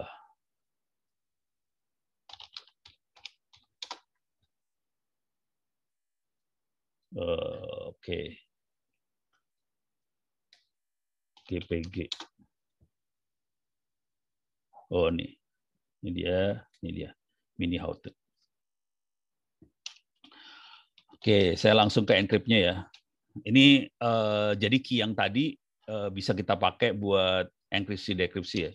Ntar saya akan langsung masuk ke enkripsinya ada di uh, oke oke oke sorry. Nah ini dia. Jadi GPG encrypt uh, bikin dalam bentuk ASCII nama filenya uh, kepada siapa dikirim nama filenya yang mana. Ini description itu email. Oke, saya akan coba uh, bikin file uh, test.txt misalnya. Ini cuma testing aja. Oke, okay. more test.txt. Jadi ada file teks isinya cuman ini cuma testing aja. Sekarang saya akan gpg GPG minus encrypt. Saya nyontek nih ya. GPG minus encrypt, terus saya kasih ASCII aja, bukan binary. Receivernya siapa? ono at indo.net.id. Oke, okay. uh, filenya adalah test.txt. ini yang bisa buka file ini hanya ono Indonet aja. Oke, jadi nanti saya kirim ke orang yang namanya ono at indonet.id, file test.test ini nanti dia akan dienkrip, uh, enkripnya ASCII supaya gampang dikirim. Oke, uh, yes. Oke, sekarang clear layar, clear layar, ls. Ini perhatiin ada file tambahan keluar test.txt.asc. Isinya seperti ini sih, .asc, asc. Nah, udah nggak bisa dibaca nih. Ini bisa kita kirim. Yang bisa buka cuman Ono Indonet aja. Kebetulan Ono, Ono Indonet adalah di komputer saya sendiri. Jadi saya encrypt buat saya sendiri sih sebenarnya. Uh, buat decryptnya cuma gini aja. Uh, decrypt. Kita nyontek dulu ya. Decrypt output filenya apa, file ASCII-nya apa. Jadi kita biasanya encryptnya tidak pakai zip dikasih password, encryptnya seperti ini orang nggak bisa buka dan yang buka hanya satu orang dan kita nggak usah ngasih tahu passwordnya. Dia langsung bisa buka sendiri. Uh, output filenya adalah misalnya ini hasil de decrypt.txt. Filenya mana yang mau dibuka adalah test.txt.asc. ASC. Kita buka. Oke. Okay. Uh, dia ngasih tahu bahwa yang yang encrypt siapa. Oke. Okay dan filenya ini kita buka. Sekarang kita lihat. Sekarang ada tiga file di sini. Ada ini hasil decrypt. Coba kita lihat more. Ini hasil decrypt. Isinya ini cuma testing aja sama persis. Oke. Jadi caranya kira-kira gitu. Ini yang dipakai biasanya kalau kita ngirim-ngirim file dan hanya orang yang dituju yang bisa dibuka. Dan kalau ada orang lain yang intercept eh, ngerubah filenya, langsung ketahuan di sini gitu kira-kira. Oke, sekarang saya akan coba baca pertanyaan lagi. Eh, ini incognito di browser. Apakah sinyal Telegram lebih aman dibandingkan WhatsApp? Eh, di kantor lebih baik pakai chat eh, aplikasi apa untuk mengurangi resiko? Jadi saya kasih cerita aja ya WhatsApp tuh masalahnya di, di sebenarnya WhatsApp, Telegram, Signal satu lagi Palapa sih. Palapa turunannya Signal. Jadi ada Signal Telegram, WhatsApp. Jadi dia end-to-end encryption-nya aman semua. Cuman yang jadi masalah terutama di WhatsApp adalah grupnya yang bikin masalah. Jadi cara kerja grupnya adalah si user akan ngirim end, secara end-to-end encryption, nggak bisa disadap segala, segala, segala macam, ke server. Di server dibuka, jadi servernya bisa baca sih sebenarnya. Kemudian dikirim satu-satu ke member group, di encrypt lagi, aman lagi. Jadi masalahnya di grup. Oke. Nah, kalau yang kita pakai di kantor, ini kita pakainya adalah uh, masuk ke Play Store kita pakai turunannya sinyal, sinyal kita modifikasi, uh, kita pakai Palapa. Palapa adalah turunan turunan dari signal, dimodif. Ini Palapa ini. Ini kalau lihat Palapa bisa kelihatan yang bikin security tadi saya pakai emailnya security kalau tahu. Uh, Palapa yang bikin security uh, tadinya dia namanya pesan kita. Pesan kita itu nggak nggak ada kemampuan buat telepon sama video call karena banyak orang yang request minta telepon sama video call. Akhirnya telepon sama video callnya dimasukin diganti nama jadi Palapa. Oke. Nah, yang seru dari Palapa ini pas pakai grup itu beda cara berpikirnya, cara mainnya dengan uh, WhatsApp. Jadi kalau grup, uh, kalau di WhatsApp yang yang distribusiin message group adalah servernya WhatsApp. Kalau Palapa, kalau grup yang ngedistribusin adalah kita sendiri, si kliennya akan ngedistribusin grup. Dan konsekuensi dari itu semua, si server Palapa sama sekali tidak bisa buka enkripsi apa pun yang terjadi. Hmm. Di server Palapa nggak bisa buka sama sekali. Jadi kalau saya saya suruh milih antara signal Telegram, WhatsApp, Palapa lebih kuat dari tiga-tiganya sih sebenarnya. Dan Palapa kayak mami sih. Palapa buatan Republik. Oke. Okay. Gitu nih. Wih, seru ada yang bocor. Oke. okay. Izin Prof. Ini Pardin cuma isinya izin Prof doang, nggak ada isinya apa ya? Oke. Okay. Uh, ini waktu tinggal sekitar 15 menit lagi. Uh, sebagian besar pertanyaan sudah saya jawab barangkali. Uh, saya kembalikan dulu pada Mas Rangga. Mas Rangga mau diatur lagi atau mau langsung tanya jawab atau gimana? Baik Pak, uh, Pak Ono, uh, berikut masih ada pertanyaan Pak. Tadi di atas masih ada yang kelewat mungkin gini Pak. Okay. Prof. Ono, uh, apakah memungkinkan kita bisa menarik data-data yang sudah terlanjur dimasukkan di beberapa transaksi atau aplikasi yang dilakukan terdahulu? Jika ya, bagaimana caranya? Kalau tidak, apa saran selanjutnya? Waduh. Kalau udah huru ngelepas data tuh susah nariknya tuh setengah mati tuh. Gimana ya? Itu kita posisi ini jujur dulu ya kalau udah data udah kebetulan transaksi udah dilepas uh, sudah sampai ke sebelah sana kita posisi udah kayak pengemis banget sih. Kita harus minta kebaikan hati pihak sana buat ngedelete uh, apa yang kita sudah posting atau transaksi tadi. Jadi sampai segitunya. Jadi harus hati-hati banget sih transaksi. Jujur saya nggak ini, ini susah banget nggak nggak sanggup gue. nggak, nggak nggak bisa jawab yang itu minta maaf. Pusing. Eh, soalnya kita benar-benar sangat tergantung pada kebaikan hati sebelah sananya aja. Mau nggak dia ngedelete transaksi tadi? Itu aja sih udah. Nggak bisa lagi. Pusing. Gitu. Sorry. Mas. Baik. Nggak terlalu ah, ngejawab sih. Lagi. Baik, Pak Ono. Ada lagi nih. Uh, apakah file yang diposting oleh member dalam WA group bisa dihapus oleh admin group? Gimana, Prof? Uh, ini ngomong jujur dulu ya. Fitur sih. Uh, eh, WA ngeri sih jujur. WA tuh ngeri banget. Uh, saya nggak pakai WhatsApp akhirnya. Jadi apakah bisa di delete sama admin grup? Saya nggak tahu juga.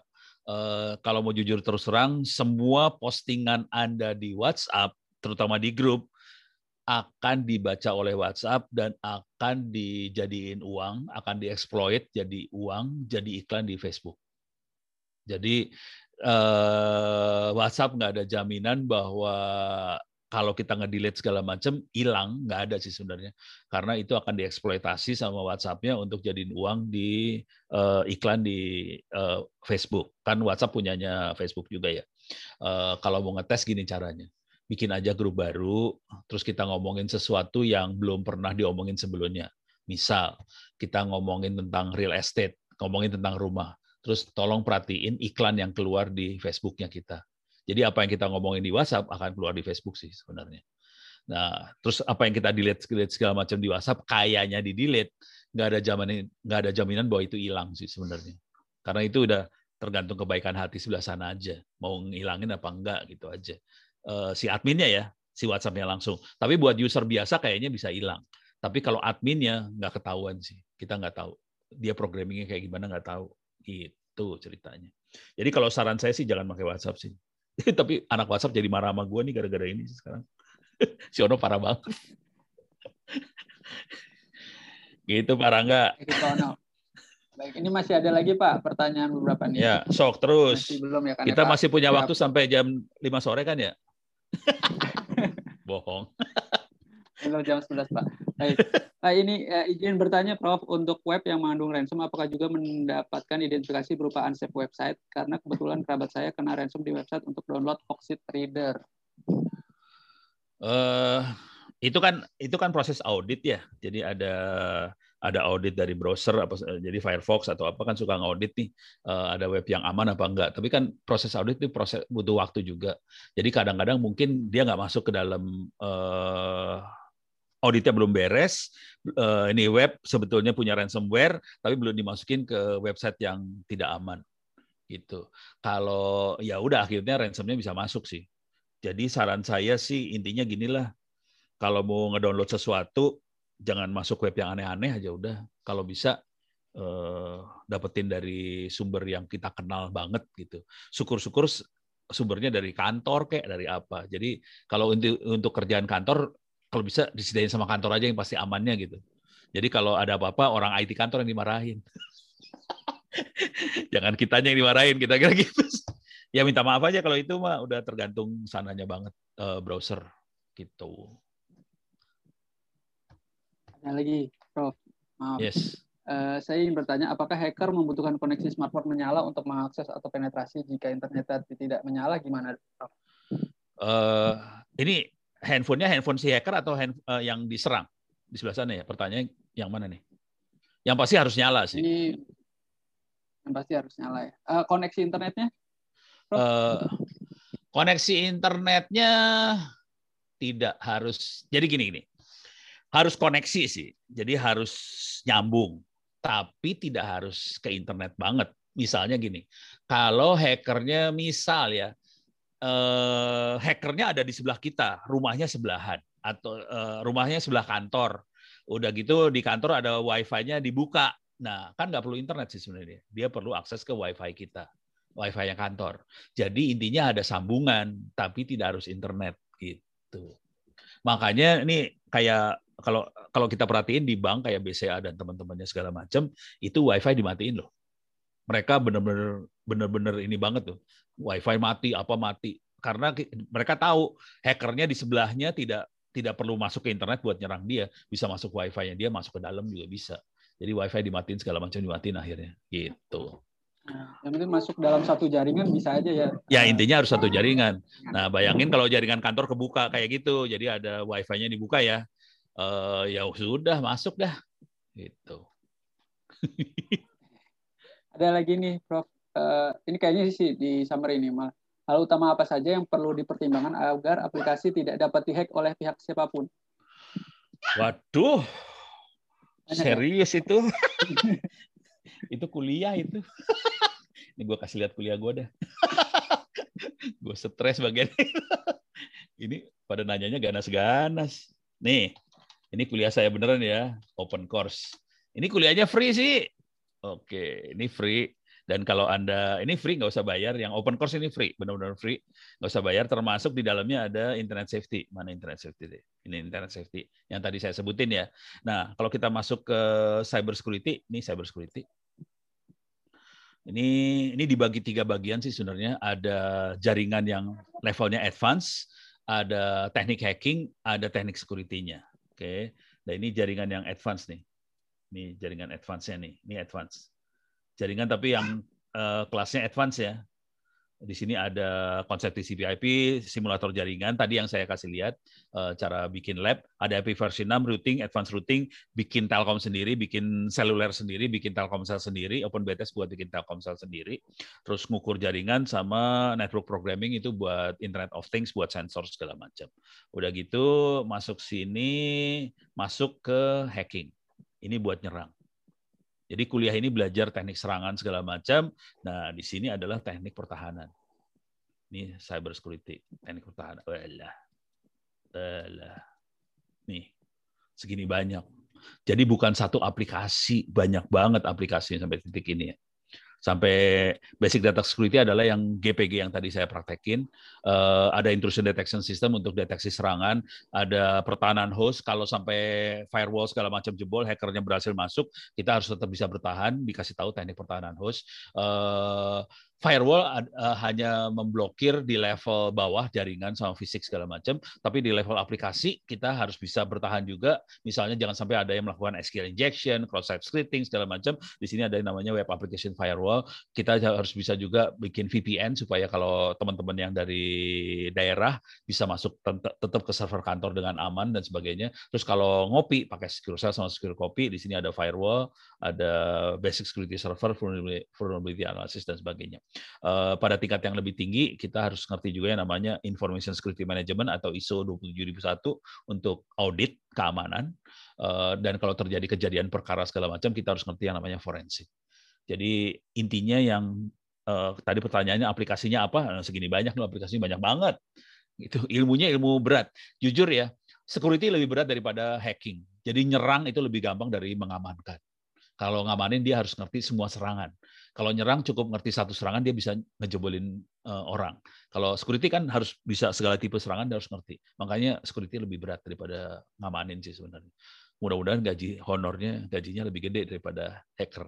Soalnya hacker gaji gede-gede satu kali lubang aja, temuin satu hole aja bisa satu setengah juta, tiga juta. Hacker tuh kayak gitu sialan bener, parah.